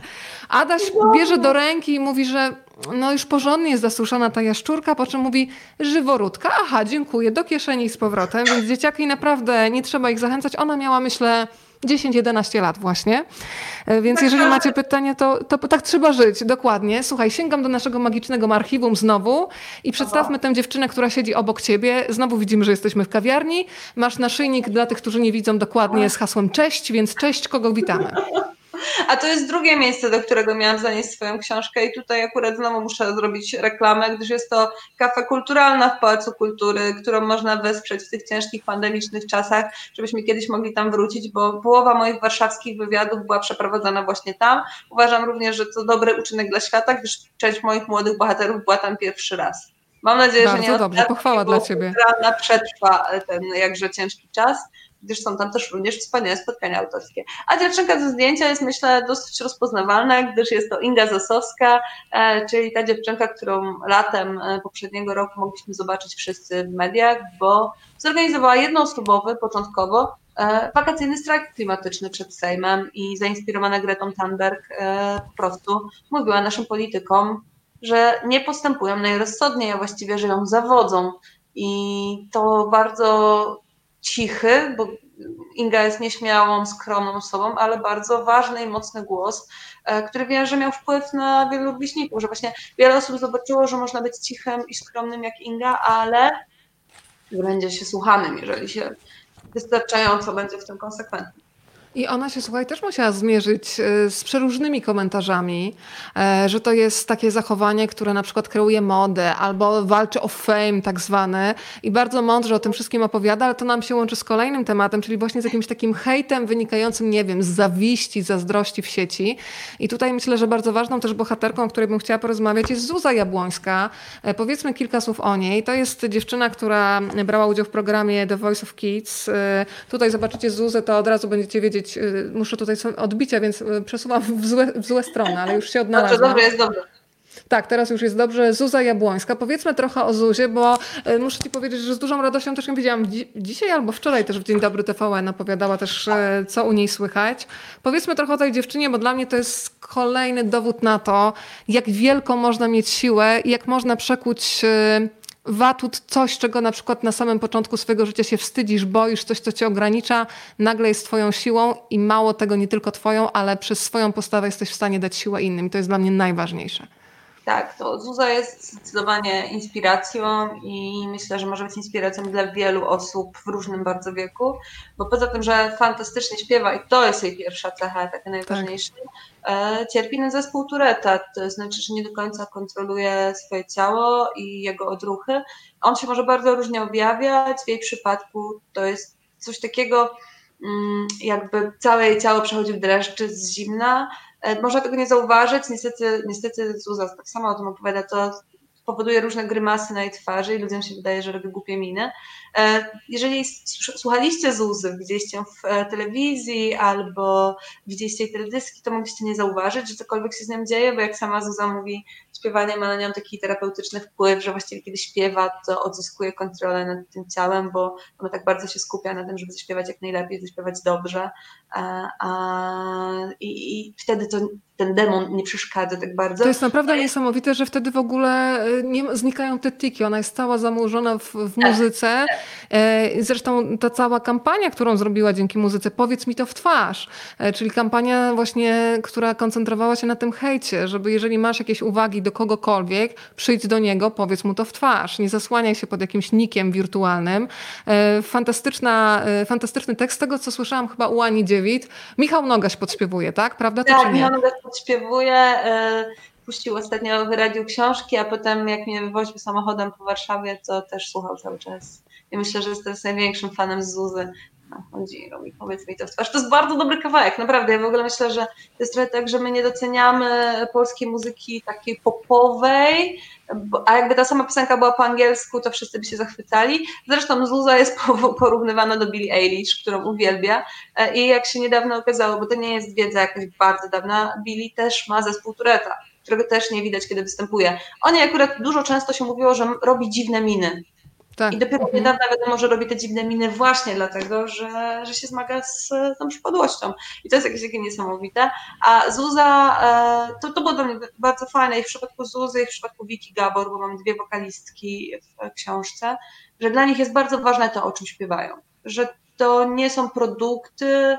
E, ja się bardzo tego bałam, że to będzie jakiś taki e, wyruch medialny, bo to są fajne, energiczne, bardzo ładne, bardzo mądre dziewczyny, ale które jednak ktoś wrzucił w show biznes, który nie jest miłym, przyjemnym miejscem i, zwłaszcza jak się jest dzieckiem, można być bardzo szybko pozbawionym swojej podmiotowości. Wiemy o tym bardzo dużo z zagranicznych przykładów. W Polsce niespecjalnie mieliśmy do tej pory rozwinięty taki rynek muzyki nastoletniej, więc trochę nie, nie wiadomo do czego to porównywać. Tymczasem one udowadniają, że można zachować e, siebie, w tych realiach, że można robić swoje, że to jest ważne, o czym się śpiewa, jeżeli słuchają cię miliony ludzi i to jest super dla mnie też. Kolejny długi komentarz od mamy Mai. Dzieciaki trzeba wspierać i dawać im najlepszy przykład. Maja, kiedy postanowiła założyć klub ochrony orangutanów Majki, wiedziała, że jeśli w coś wierzy, nic nie jest niemożliwe i może liczyć na moją pomoc. Zachęcam do tego innych rodziców. Słuchajcie, co dzieci mają do powiedzenia, bo często to fantastyczne pomysły, które, żeby się rozwinąć, potrzebują tylko odrobiny naszego wsparcia. Bardzo dziękuję za ten komentarz, bo ja, Justyna, dzisiaj od osoby, która jeszcze nie czytała Twojej książki, yy, usłyszałam takie pytanie, a czy to na przykład nie jest tak, że rodzice jakoś tak, wiesz, mocno naciskają te dzieci, żeby realizowały te pasje. Powiedziałam o nie, nie, to dzieciaki tak naprawdę szukają. E, ale właśnie, czy spotkałaś się szukając bohaterów, może zostali wyeliminowani, używając brzydkiego języka, właśnie z czymś takim, że rodzic parł do tego, żeby na siłę swoje zainteresowania mm, przerzucić na dziecko. Spotkałaś się z czymś takim, czy nie?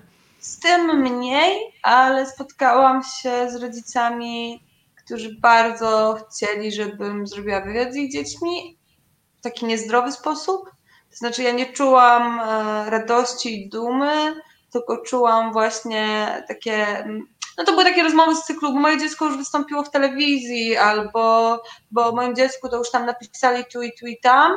I z jednej strony ja to rozumiem, a z drugiej strony miałam takie poczucie, też oglądając te materiały, że tego dziecka jest tam najmniej w całej tej historii, że jest właśnie jakaś aspiracja rodziców do tego, żeby ono było może nawet nie tyle sławne, ale na pewno nie pierwszym celem było to, żeby ono było szczęśliwe i to mnie trochę przerażało. I mówiąc uczciwie, to była jedna z moich obaw, kiedy brałam się za tę książkę, bo w przypadku bohaterów, których już wcześniej poznałam i do nich wracałam, to już wiedziałam, z kim mam do czynienia. Ale w przypadku osób, o których dowiedziałam się z internetu albo dowiedziałam się od kogoś innego, to zawsze miałam ten taki, taką obawę, że może za tym stoi jakaś niefajna historia, a było to dla mnie bardzo ważne na etapie researchu, żeby się zorientować, czy tak nie jest, bo obiecałam sobie i to było dla mnie bardzo ważne, że jeżeli już z kimś się umówię na rozmowę, i ten młody człowiek, e, ta dziewczyna czy ten chłopak poświęci mi czas i zaangażuje się i będzie mi tłumaczył cierpliwie te wszystkie rzeczy, których ja nie rozumiem, to nie może być tak, że on się w tej książce nie znajdzie. Że co by się nie działo, to jak ja już się z kimś mówiłam, to ja nie mogę tego zrobić e, mojemu bohaterowi nie dlatego, że ma lat 13, 19 czy tak. 10, tylko dlatego, że tego wymaga elementarny szacunek do rozmówcy i właśnie bez względu na to, ile ma lat. W dziennikarstwie newsowym, czy w takim, które uprawiam na co dzień, Zdarza się tak, że z kimś rozmawiam i go potem nie cytuję, ale to zwykle bierze się z tego, że nie wiem, chcę pozostać anonimowy, więc ja staram się jednak znaleźć źródła, które y, wypowiadam się pod nazwiskiem, albo opowiada bardzo podobną historię e, do kogoś innego i wtedy zwykle albo mówię... Materiał miał, miał trwać, nie wiem, półtorej minuty, a nagle dostajesz minutę, prawda? Mhm. Tak, a to jest jednak trochę tak, że ja tę książkę firmuję e, tymi dziećmi bardziej niż sobą. Mam taką nadzieję, że one, że, że tam jest mnie najmniej, Poza tym, że jest moje nazwisko na okładce, z czego oczywiście jestem bardzo dumna i mama jest dumna. I babcia, powiedz o reakcji babci. Nie mam tego filmiku, ale znajdziecie go na prywatnym koncie. Justyny, tak, tak. Babci mi nie wysłałaś, więc stwierdziłam, że może po prostu babci chciałaś zachować dla siebie, więc tam nie wiesz, nie, nie, nie, nie robiłam pressingu. E, więc, ale wiesz, to pokażę kogoś z rodziny w takim razie, dobra? Opowiesz o babci, ale pokażę też członka twojej rodziny teraz. Tutaj, uwaga. To jest Rysia. Rysia całą sobą, jak widzicie, proszę spojrzeć na jej spojrzenie, jest tutaj przekonana do tego tytułu, więc opowiedz trochę o babci, a potem jeszcze historię Rysi ja też poproszę. No więc y, babcia e, wiedziała, że pisze książkę, ale babcia cały czas trochę nie wierzy, że ja potrafię pisać dużo i sama i mam też takie zdjęcie, jak babcia czyta, jeszcze pracowałam w Gazecie Wyborczej, babcia czyta taki mój tekst na pierwszej stronie i tak właśnie pamiętam tę historię, że tak podnosi głowę i ty tak dużo sama napisałaś? To jest takim wschodnim, wspaniałym ze śpiewem, który ma moja babcia. A w przypadku książki, to moja mama jakoś tchnięta e, impulsem, bo to nie było w planie, dała babci książkę i mówi, to słuchaj, nagrasz się Justynce, ona to zobaczy, na pewno się ucieszy. I mówi, no i co, i dumna jesteś z, wnu z wnuczki? No to moja babcia mówi, że jest bardzo dumna, tak przytula książkę, jak ja ją trzymam przez pół programu z nerwów i mówi, że musi zadzwonić do Zosi. I wszyscy od tygodnia pytają mnie, co Kim jest Zosia?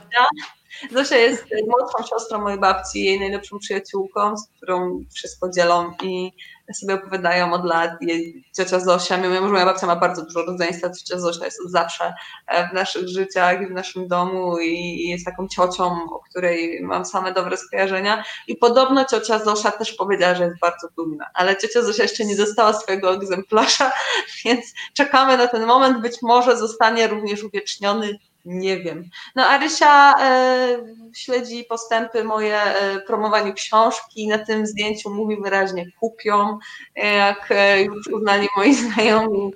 Zainspirowana Janiną Daily, która promuje swoją książkę, bardzo dobrą polecam, jak nikt. No i występuję na tej kanapie, na której teraz siedzę, też w różnych programach, gdzie opowiadam o edukacji, więc myślę, że Rysia już ma habilitację z Young Power, gdyż wszystko to, co Wam właśnie opowiedziałam, słyszała już milion razy i pewnie tylko dlatego teraz nie siedzi na kanapie, że stwierdziła, że już dobra, nie siedzi na kanapie i tak jest obecna, to ja bym cię poprosiła jeszcze, żebyś przytoczyła cudowną historię z e, Dzień Dobry TVN. E, kiedy to Rysia udowodniła, że naprawdę wie, co się dzieje, wie, kiedy zaistnieć na antenie, a kiedy spokojnie e, spać. Tym bardziej, że miała za przeciwnika intelektualnego, naprawdę doświadczonego dziennikarza, Marcin Prokop na antenie i Rysia. Jak wyglądało to starcie gigantów? To był taki dzień, kiedy zdaje się, że opowiadałam o tym, tego nie jestem na 100% pewna, ale tak było prawdopodobnie, o tym, że z bardzo wieloma uczniami nadal nie mamy kontaktu w czasie zdalnego nauczania i że to jest potężny problem i Rysia cały czas spała i tak spała, nie ruszając się, jak śpi się dobrze. I w pewnym momencie już na koniec rozmowy Marcin Prokop zapytał, czy ona żyje i czy wszystko jest w porządku, więc wtedy Rysia wstała, wyprostowała się, zaprezentowała się godnie i kiedy to robiła, Marcin Prokop powiedział, już możesz dalej spać, kochana. No więc co zrobiła Rysia? Poszła spać dalej, no przecież jakże mogłoby być inaczej. Wiadomo, że rozumie ludzki, no. To tylko my czasami tylko psiego nie rozumiemy, mam wrażenie. Właśnie, tak jednostronna właśnie. jest taka Mm, ułomność, bym powiedziała. Słuchaj, kolejne komentarze. Bartek bardzo cenną rzecz napisał. Jest też niestety syndrom rodziców nie pozwalających swoim dzieciom być, po prostu być. Może dlatego, że my też zatraciliśmy tę zdolność. Ciągle musimy coś robić e, i pchamy te, na te same tory dzieciaki. E, I tak są dzieci, które w tygodniu chodzą na 10 różnych zajęć pozaszkolnych i nie mają czasu na siebie, na swoje być. Ciekawy czas dla nich i dla rodziców teraz, e, tak swoją drogą.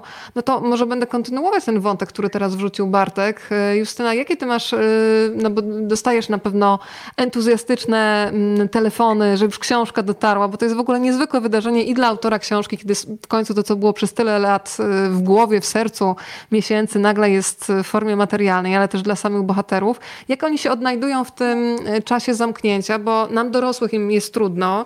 No ja nie mam doświadczenia małych dzieci czy trochę starszych, więc zastanawiam się, jak podczas rozmów z nimi, co oni opowiadają. Dla nich to zamknięcie jest trudne, czy są do niego przyzwyczajeni, łatwiej im się przystosować niż dorosłym, trudniej? Myślę, że jest bardzo różnie. Każdy z moich bohaterów ma pewnie inne doświadczenia. Dzieją się rzeczy fajne, na przykład e, Władek Maciek Zawistowski, czyli młody historyk, o którym akurat dzisiaj nie mówiliśmy, Jarek e, Brydecki i jeszcze parę innych osób, Zuzia Granek, e, które są związane z funduszem, rozhulały taką akcję Zdolni do Pomocy, w której cały czas, i to Państwu polecam, prowadzą zajęcia, korepetycje dla, zdalne dla osób, które mają jakieś trudności z przedmiotami, więc można wejść na stronę Krajowego Funduszu, zobaczyć kto z czego pomaga i taką pomoc uzyskać. Oni są naprawdę fantastyczni. Równocześnie Janek, który tutaj był przez chwilę e, i Tymek, o którym mówiłyśmy, rozhulali zupełnie niezależnie dwie wspaniałe akcje z prośbą, z wnioskiem o przełożenie terminu matur, co jak wiemy ostatecznie się udało. Mm, ale też dostaję takie sygnały, ja je rozumiem absolutnie i rozmawiamy trochę o tym, że E, kiedy prowadziliśmy wywiady do tej książki, to świat był inny, wyglądał inaczej, wszystkie plany były inne. Nie wiem, I, I, Iga Świątek opowiadała mi o tym, że szukuje się do matury i do Igrzysk Olimpijskich. E, Oliwia Smektała, pływaczka synchroniczna, wybitna, opowiadała mi o swoich treningach codziennych. E, te rzeczy przestały dla nich tak wyglądać. No i jeden z bohaterów mi powiedział coś takiego, że zobacz, jak rozmawialiśmy, to był taki czas, kiedy cały świat. E, o, Janek jest dalej. E, Janek mhm. super akcja, mój zestaw maturalny. E, to był taki świat, w którym my się czuliśmy bezpiecznie. Wszyscy nam mówili o tym, że bezrobocie jest najniższe w historii, że świetnie się Polska rozwija gospodarczo. Myśleliśmy o tym, żeby wyjechać na studia za granicę. To się wydawało takie łatwe, bo przecież można studiować wszędzie, jeżeli się ma chęć tak naprawdę i jeżeli ma się na to pomysł. I tak, rzeczywiście tak było, kiedy rozmawialiśmy i ani ty, ani my nie uwierzylibyśmy wtedy, że za 3, 4, 5 miesięcy ten świat się wywróci do góry nogami, że być może przyjdzie nam pójść do, na studia i do pracy w czasach największej recesji od wielu lat, w czasach kryzysu gospodarczego, ale wiążącego się też z tym kryzysu społecznego, bo mówmy się, że to nie jest tylko problem w tej chwili tego, że ludzie będą tracili miejsca pracy. On jest bardzo ważny, ale e, i to jest bardzo ważne, żebyśmy teraz jako państwo byli solidarni i pomocni no ale to też będzie miało wpływ na całe rodziny, na to, o czym będziemy rozmawiać, e, na to, jakie będą szanse, stypendia, no ileś, ileś drobnych rzeczy, których nawet nie jesteśmy w stanie przewidzieć. W każdym razie świat, który sobie wyobrażali, marzenia, które mieli jeszcze pół roku temu, mogą być już bardzo nieaktualne. Za moment, już w tej chwili. I to nie znaczy, że nie będą mieli nowych szans i nowych możliwości. Oni też są bardzo optymistyczni, w większości zaangażowani i mówią o tym, co będą, co będą robić. Te działania, o których wspominałam Państwu, takie proaktywne w tym ciężkim czasie, też są tego dowodem. No ale na pewno to nie będzie ten sam świat. I, i ja im trochę, trochę zazdroszczę, trochę współczuję, bo to jest takie pomieszanie. Bo z jednej strony ja wiem, że oni sobie poradzą i że wiele wspaniałych rzeczy może z tego wyniknąć, a z drugiej e, rozumiem, jeżeli będą rozczarowani bo nie tak miało być. Nie to im obiecywaliśmy jako dorośli, jako ich nauczyciele, rodzice, opiekunowie. Zosia też mówiła bardzo ciekawą rzecz, że ona ma w ogóle fantastyczne takie mechanizmy adaptacyjne, ponieważ też mieszkała w Finlandii, w Stanach, w Polsce, że wielokrotnie już zaczynała trochę od nowa i ta sytuacja też powoduje, że dla nich to jest znowu jakaś zmiana, do której trzeba się jakoś ustawić i oni mają też taką fantastyczną elastyczność. Ania też, David Meller powiedziała coś, co też mi jest kiedyś bliskie, że nasza rzeczywistość, nie wiem, roczników nawet z lat 80. składała się z ograniczeń, że my się skupialiśmy bardziej na tym, co nas ogranicza, natomiast ci młodsi mają bardziej otwarte głowy na możliwości. Dobrze, tu mam ograniczenie, więc szukam kolejnej drogi, gdzie mogę zajrzeć. E, kolejna tutaj widzę, że jest jeszcze rozmowa pomiędzy Bartkiem a panią Gosią. Bartek, masz rację, też to obserwuję. Dla mnie jako mamy jest najważniejsze, żeby dla córki stanowić mocne plecy, być oparciem i wspierać w realizacji jej postanowień. Decyzja o tym, co chce robić, poza obowiązkami oczywiście należą wyłącznie do niej. Ja ją mogę inspirować, podsuwać pomysły, ale nigdy nie cisnąć. Niestety część rodziców ma ogromne parcie na to, by dzieci realizowały ich niespełnione ambicje. Dziecko to przecież odrębny człowiek i osobowość. E, no i oczywiście jako rodzice powinniśmy tę wolność dziecku E, zostawić. To jeszcze taki cytat, który bardzo lubię Ani Siekierskiej ze Szczecina, dziewiętnastolatka. E, proszę? Ani Skierska. Też przekręciłam tak. ostatnio to nazwisko, dlatego przepraszam, że cię poprawiam. Skierska, tak? Tak. Tak? Dobra. Tak. Aniu, uściski podwójne, bo to jedno z Twoich zdań sobie chowam do kieszeni. Mówisz tak, w szkole często uczy się nas, że powinniśmy być perfekcyjni. Najlepiej, żeby nasze rozwiązania były idealne od razu. Gdy się nie udaje, przychodzi załamanie i zniechęcenie. Ale dzięki nauce i pracy w laboratorium wiem, że to nie tak działa. Jak y, już nie przeżywam, gdy mi coś nie wychodzi, biorę sobie to zdanie tutaj do serca, nie myślę, o rany, nie mam do tego talentu, tylko próbuję dalej. Nauczyłam się nie tylko chemii i fizyki, ale przede wszystkim wyrozumiałości dla siebie i to jest przekaz, słuchajcie, dla wszystkich, którzy są po drugiej stronie. Ja mam takie doświadczenie, że chyba czułość wobec samego siebie jest najtrudniej e, uruchomić, bo jesteśmy w stanie wiele różnym osobom wybaczyć, a jeżeli sami się gdzieś potkniemy, no to potrafimy jeszcze ładować w siebie bardzo długo potem. E, moja koleżanka, która też zakreśliła to zdanie, powiedziała mi, potrzebowałam skończyć 30 lat i pójść na terapię, żeby to zrozumieć. Bardzo jej zazdroszczę.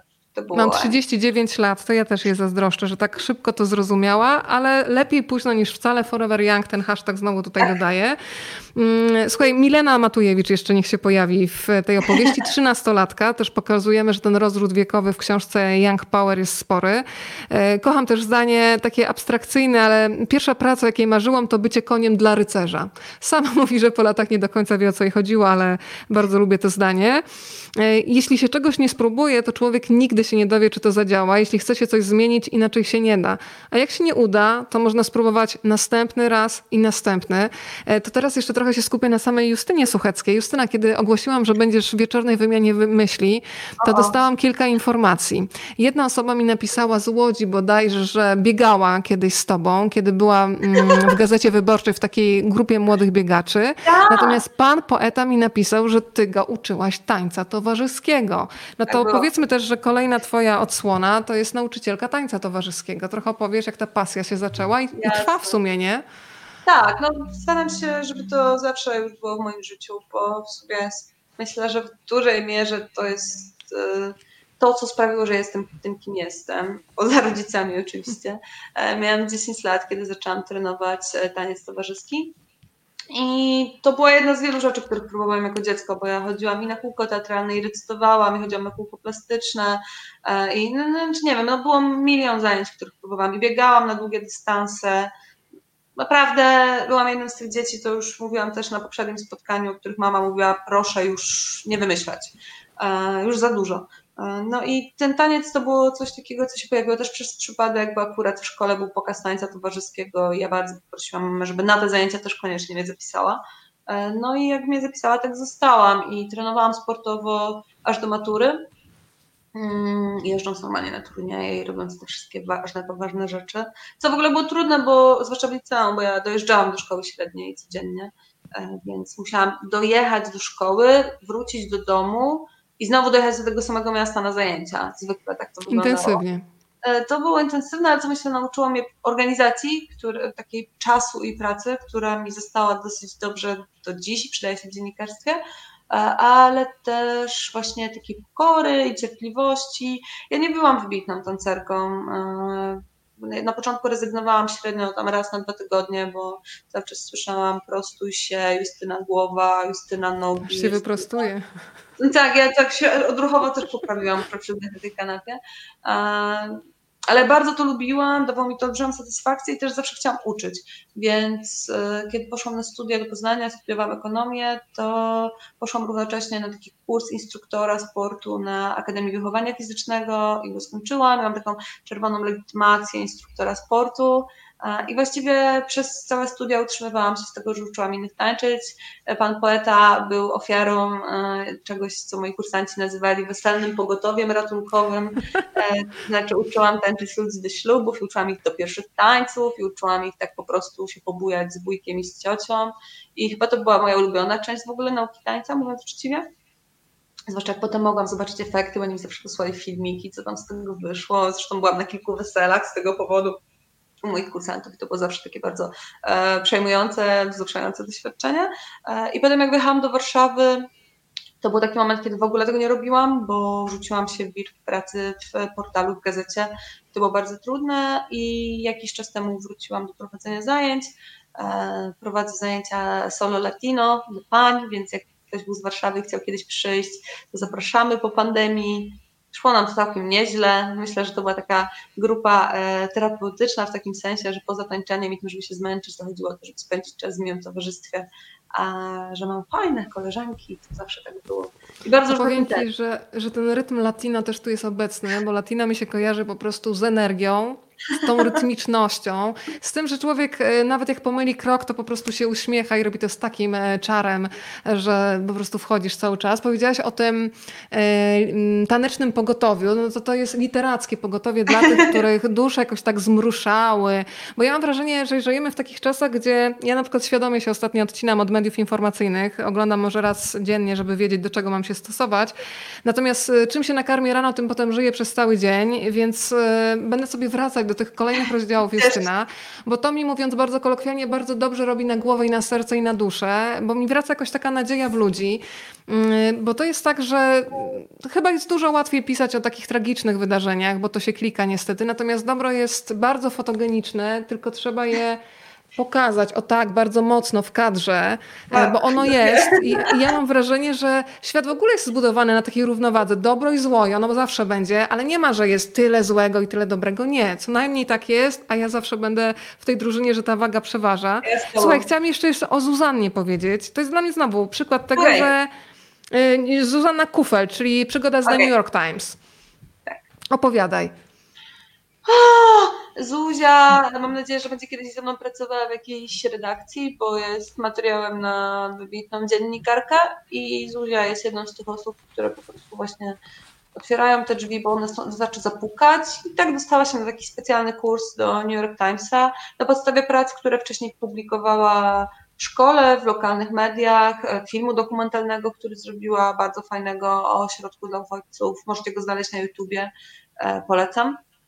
Mm, no i Zuza po prostu jest y, osobą, którą chcielibyście znać, taką koleżanką z klasy, którą chcielibyście mieć, strasznie pomocną i radosną. E, w tej chwili e, szykującą się do studiów na filologii klasycznej. Właśnie dzwoni mój brat, go rozłączam, pozdrawiamy. Pozdrawiamy e, brata. I na przykład Zuza, Zuza, o właśnie, bo to jest coś, co mi się też często w tej książce zdarzało, że umawiałam się z kimś, żeby rozmawiać o czymś, w przypadku Zuzy o dziennikarstwie, a w międzyczasie wychodziło, że ten ktoś mi jeszcze może powiedzieć o tym i o tym i o tym. W przypadku Zuzy taką rzeczą była łacina, która okazuje się być jej wielką pasją i ja zrobiłam takie skąd? No i super. Nie wiem, czy widziałaś, właśnie jak było spotkanie autorskie to w dniu premiery, to e, wśród widzów był nauczyciel łaciny z Łzy. Tak, tak. To było dla mnie takie super i tak jak jest Janek tutaj cały czas z nami, o którym się dowiedziałam dzięki jemu, jego nauczycielowi Przemkowi Staroniowi, to mam wrażenie, że wielu wspaniałych nauczycieli jest wokół tych młodych ludzi z książki i też bym chciała, żebyśmy o tym pamiętali, że oni są bardzo ważni w tych historiach. To jeszcze powiedzmy kilka słów o tych młodych dżentelmenach. Znowu chyba kawa kulturalna, co? Kawa kulturalna i nie powiem, który z nich ma te dwóje z matematyki, to nie jest ważne. To nie jest istotne. To nie jest istotne, to jest ekipa, zespół KTO, e, od nazwisk moich bohaterów i to są e, uczniowie technikum mechatronicznego w Warszawie przy ulicy Wiśniowej, najlepszego technikum w Polsce, którzy wymyślili opaskę, która będzie wybudzała kierowców, którzy będą zasypiać, którzy, którzy, którzy, nie napisałabym tego zdania, ale jak już powiedziałam, to... Redaktorka by już tutaj, wiesz, alarmowała i protestowała. Znaczy sama bym się ale e, zrobili opaskę budzącą kierowców zasypiających za kierownicą i to był ich konkurs na, e, ich praca na konkurs olimpiady, e, olimpiadę techniczną, ale zaczęli go rozwijać. Właśnie pracują nad patentem, więc jest to ważny, ważny wynalazek. Mam nadzieję, że im się uda. Mm. No, spotkaliśmy się tam właśnie chwilę po wystawieniu ocen na semestr e, i oni opowiadali o tym, jak to dalej będzie z ich projektem. Wtedy prowadzili zbiórkę na zrzutce, bo patent to nie jest coś, co można zrobić z kieszonkowego. I głęboko wierzę, że im się to uda, bo robią coś, co naprawia świat. A jednym z powodów, dla których się zainspirowali, były osobiste doświadczenia. Jeden z chłopców miał wypadek samochodowy spowodowany właśnie przez takiego kierowcę więc to jest też niesamowite, że oni rozwiązują realne, a nie wydumane problemy, takie bliskie i takie, no, których doświadczamy jakoś tam wszyscy. Young Power to jest książka, która dokarmia takie wewnętrzne dziecko i ja czasami mam taką smutną może refleksję, że jak dojrzewamy, to tracimy strasznie dużo fajnych cech. Otwartości, odwagi, tego, że jak jesteś małą dziewczynką, przychodzisz do lustra i w ogóle czujesz się królowa, obracasz się w tych sukienkach, jesteś boska w każdej pozycji, w każdej jego sukience i, i figurze. E, więc dokarmiajmy te swoje małe dzieci mm, i nie traćmy tych najfajniejszych cech. Justyna, powiedz mi, mm, bo zaraz będzie konkurs, jedną książkę mamy dla tych, którzy dzisiaj są razem z nami. E, jest 31 opowieści w środku, wbrew temu, co mówi tytuł, ponieważ jeden bonusik, jak wspomniałyśmy, jest, więc poproszę Cię o Twoją ulubioną liczbę, cyfrę od 1 do 31. O mój Boże, 17. Ale 17. nie tym samym, moi drodzy, 17 mail, który trafi do mnie do skrzynki. Rozmawiam, bo lubię małpa.gmail.com. Uwaga, w tytule wpisujemy hasło Young Power. Do tej 17 osoby trafi książka. Rafał obiecał, że wyśle ją prosto z Krakowa, więc proszę działać. Stwierdziłam, że szanse niech będą równe. Zobaczymy, komu sprzyja los, bo chyba Justyna też jest chyba trochę tak, że oprócz tych zdolności, gotowości do pogłębiania, e, nie wiem, swoich talentów, rozwijania ich. Szczęście też ma chyba bardzo duże znaczenie. Ja ostatnio rozmawiałam z kimś bardzo, Wojtek Chmielarz ostatnio e, przy okazji o. jego książki Wyrwa mówił bardzo ważną rzecz, żeby też się nie zniechęcać, bo prawda jest też taka, że oprócz zdolności, ciężkiej pracy, mm, żeby się nie załamywać w momencie, kiedy nam się nie udaje bo nie wszyscy muszą odnieść taki sukces, który zostanie doceniony, na przykład, że jesteś na liście najlepszej, książka numer jeden na liście sprzedaży w Empiku na przykład, jeżeli tak. mówimy o pisarzach, nie? Jeżeli mówimy o reżyserach czy aktorach, że wszyscy znają twoją twarz, że czasami chyba wystarczy, żebyśmy w życiu po prostu robili coś dobrze i nie oczekiwali od razu takiej gratyfikacji od całego świata. Zgadzasz się z tym? Totalnie się zgadzam, a Wojtek Chmielarz jest bardzo young i bardzo power. Więc o, ja się tak. w ogóle zwykle zgadzam ze wszystkim, co on mówi. A poza tym zna się na szkole, bo jego żona jest nauczycielką, a jego mama dyrektorką, o ile dobrze pamiętam. I a tego nie wiedziałam. Mieliśmy z Wojtkiem kilka razy przyjemność przeciąć się w dyskusjach edukacyjnych, więc poza tym, że bardzo Wam polecam jego kryminały, bo naprawdę potrafi. Wyrwa jest fantastyczna, tak. Ja wyrwy jeszcze nie czytałam, ale no, za to, to rana, e, do rany pisałam werba, bo się dzieje w szkole i naprawdę tak, to jest dobra rzecz. Ale właśnie tak, ja się totalnie zgadzam, że szczęście jeszcze nikomu nie, zaszkodziło, ale też chciałabym dodać na koniec, jak mogę, taką jedną rzecz do tego, co ty Pewnie. powiedziałeś, że jak jesteśmy tymi dziewczynkami i w ogóle jest tak wspaniale, to ja sobie ostatnio zdałam sprawę, że z tym wszystkim jest trochę jak z jazdą na łyżwach. Jak jesteś dzieckiem i idziesz pierwszy raz na łyżwy i się przewracasz, to czasem pochlipiesz, ale generalnie ci to nie przeszkadza i się nie boisz przewracać i nie boisz się robić tych nowych rzeczy i puszczasz się tej bandy, bo chodzi o to, żeby jednak się jej nie trzymać, a jak idziesz potem po latach jako dorosły na te łyżwy, ale jako dziecko to byłeś może raz, to się trzymasz kurczowo, to masz wrażenie, że wszyscy na ciebie patrzą i na pewno wstyd, jak się przewrócisz i że w ogóle wszyscy są zainteresowani tym, jak źle jeździsz i to wszystko jest nieprawda, bo wszyscy na ciebie patrzą tak samo, jak wtedy, jak miałeś 7 lat. Generalnie nic ich to nie obchodzi, czy ty umiesz jeździć na tych łyżwach, czy nie, byś nie wpadł mi pod nogi, a jak zrobisz coś pięknego, to wszyscy będą zainteresowani. Jak ci się coś uda, to każdy to doceni. Jak masz 5 lat, 15, 50, to zawsze tak działa. To skoro jesteśmy tym, na tym docenianiu, to już na finał Justyna Cię poproszę o to, e, jakie słowa i od kogo były dla Ciebie najcenniejsze po napisaniu Young Power, bo tak jak wspomniałam, te komentarze, kiedy się okazuje, że energia zamknięta w książce krąży i te komentarze trafiają do autora, ja uważam, że to jest jeden z piękniejszych momentów, dla których warto pisać, więc ten moment docenienia, jakimi słowami i przez kogo najbardziej poruszył po prostu serce autorki. Yy, nie mogę zdradzić do końca. Mogę za to mhm. powiedzieć, że moja mama zdobyła się na szczerą recenzję. Widzisz, każdemu zadawałaś inne pytania. Ja bardzo to doceniam, że moja mama to zauważyła. I szczerze, trochę jest tak, że dostaję mnóstwo wspaniałych rzeczy, wzruszających, bardzo osobistych też. I trochę też zachowuję te rzeczy dla siebie, ale cały czas myślę o słowach, które usłyszałam w czasie pisania tej książki. I staram się ich trzymać, bo Janek Gawroński mi powiedział, że się bardzo we mnie umiłował i że on wie, że będę robi, robiła dobre słowa o autyzmie. I ja mam taką motywację, żeby po prostu robić dobre słowa. W, w temacie Janka, ale nie tylko, w tych tematach, które poruszałam. I e, jak teraz dostaję te różne reakcje na książkę, to mam wrażenie, że Janek się nie pomylił i że to się udało. I każdy taki głos, który mówi, że to jest fajna książka o dzieciakach, albo taki głos, który mówi e, spodziewałem się czegoś innego i spodziewałem się, że to będzie właśnie super bohaterstwo i rzeczy nieosiągalne, a nie jest. Fajnie, że są dziewczyny i chłopcy porówno, że są ludzie z takich i takich miejscowości i każdy taki głos, który mi daje e, potwierdzenie tego, że ten projekt miał sens, tak, że w sensie, że, że ja tak jak sobie to wymyśliłam, że to był dobry pomysł i że z Rafałem dobrze to wymyśliliśmy, to mnie po prostu cieszy. Ja nie umiem tego po prostu jakoś uh, uszeregować, ale jak mi mówi mama, że jest ze mnie dumna, to jest fajne, nie? Więc to wy tak wspaniałe. dzieciom, to jest fajne. Powiedziałaś e, o tym Janku, to chyba u Janka też na lodówce jest taka lista rzeczy do zmienienia świata. Warto też taką listę sobie stworzyć na swojej lodówce. Nie wiem, czy się Justyna zgodzi, żebyśmy wszyscy, jak tutaj sobie siedzimy razem, każdy w swoim domu, a jednak razem, mieli taką misję od Janka, żebyśmy robili dobre słowo, każdy w swojej dziedzinie to, co lubi, to, co potrafi najlepiej. Tak, to jest doskonałe podsumowanie, naprawdę. Bardzo Ci dziękuję bardzo, bardzo za dziś. Pozdrawiamy oczywiście dziękuję. znak emotikon Rafała jako tego inicjatora tego I pomysłu. Ole. I Ole oczywiście, Young Power, słuchajcie, Forever Young, nawet dla tych, którzy mają po drugiej stronie znacznie więcej niż 19, 12, 13 lub 10 e, lat. A ja jeszcze ze swojej strony zaproszę na nasze kolejne spotkanie. Kolejne spotkanie już w najbliższy, słuchajcie, poniedziałek. Spotkamy się z Marleną, mm, Marleną Gabryszewską, która jest prezeską Stowarzyszenia Kin Studyjnych, a w środę z kolei będzie z nami Justyna Kopińska, więc mam nadzieję, że też wspólnie powymieniamy trochę wieczorem myśli, a Justyna Justynie Słuchackiej dzisiaj bardzo dziękuję. Justyna, trzymam za Ciebie kciuki za kolejne części Young Power i ustaliliśmy, że Old Power też powstanie, ok? Myślę, że to jest do dogadania. Dziękuję Wam bardzo, to naprawdę był bardzo. A Justyny, jeszcze muszę Justynie podziękować prywatnie za coś. Dzisiaj, słuchajcie, się okazało, że świat jest bardzo mały. Justyna jest, uwaga, matką chrzestną mojej łatki, czyli kundla z Terespola. E, powiedz, Justyna, jak to się okazało, bo naprawdę te ścieżki ludzko-psie są e, niezwykłe. Podrap oczywiście za uchem dzisiaj Ryszardę. Ja zaraz ze swoją Ryszardą łatką też wyjdę, o! ale jak to się stało, no?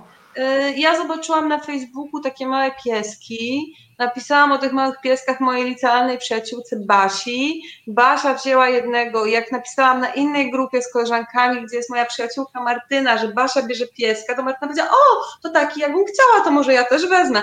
I Martyna wzięła pieska i wrzuciła tego pieska, że czeka na niego na Instagram, a tam byłaś ty. Tak, i dzisiaj Martyna do ciebie napisała cudowne zdanie, że masz dzisiaj spotkanie autorskie gdzie?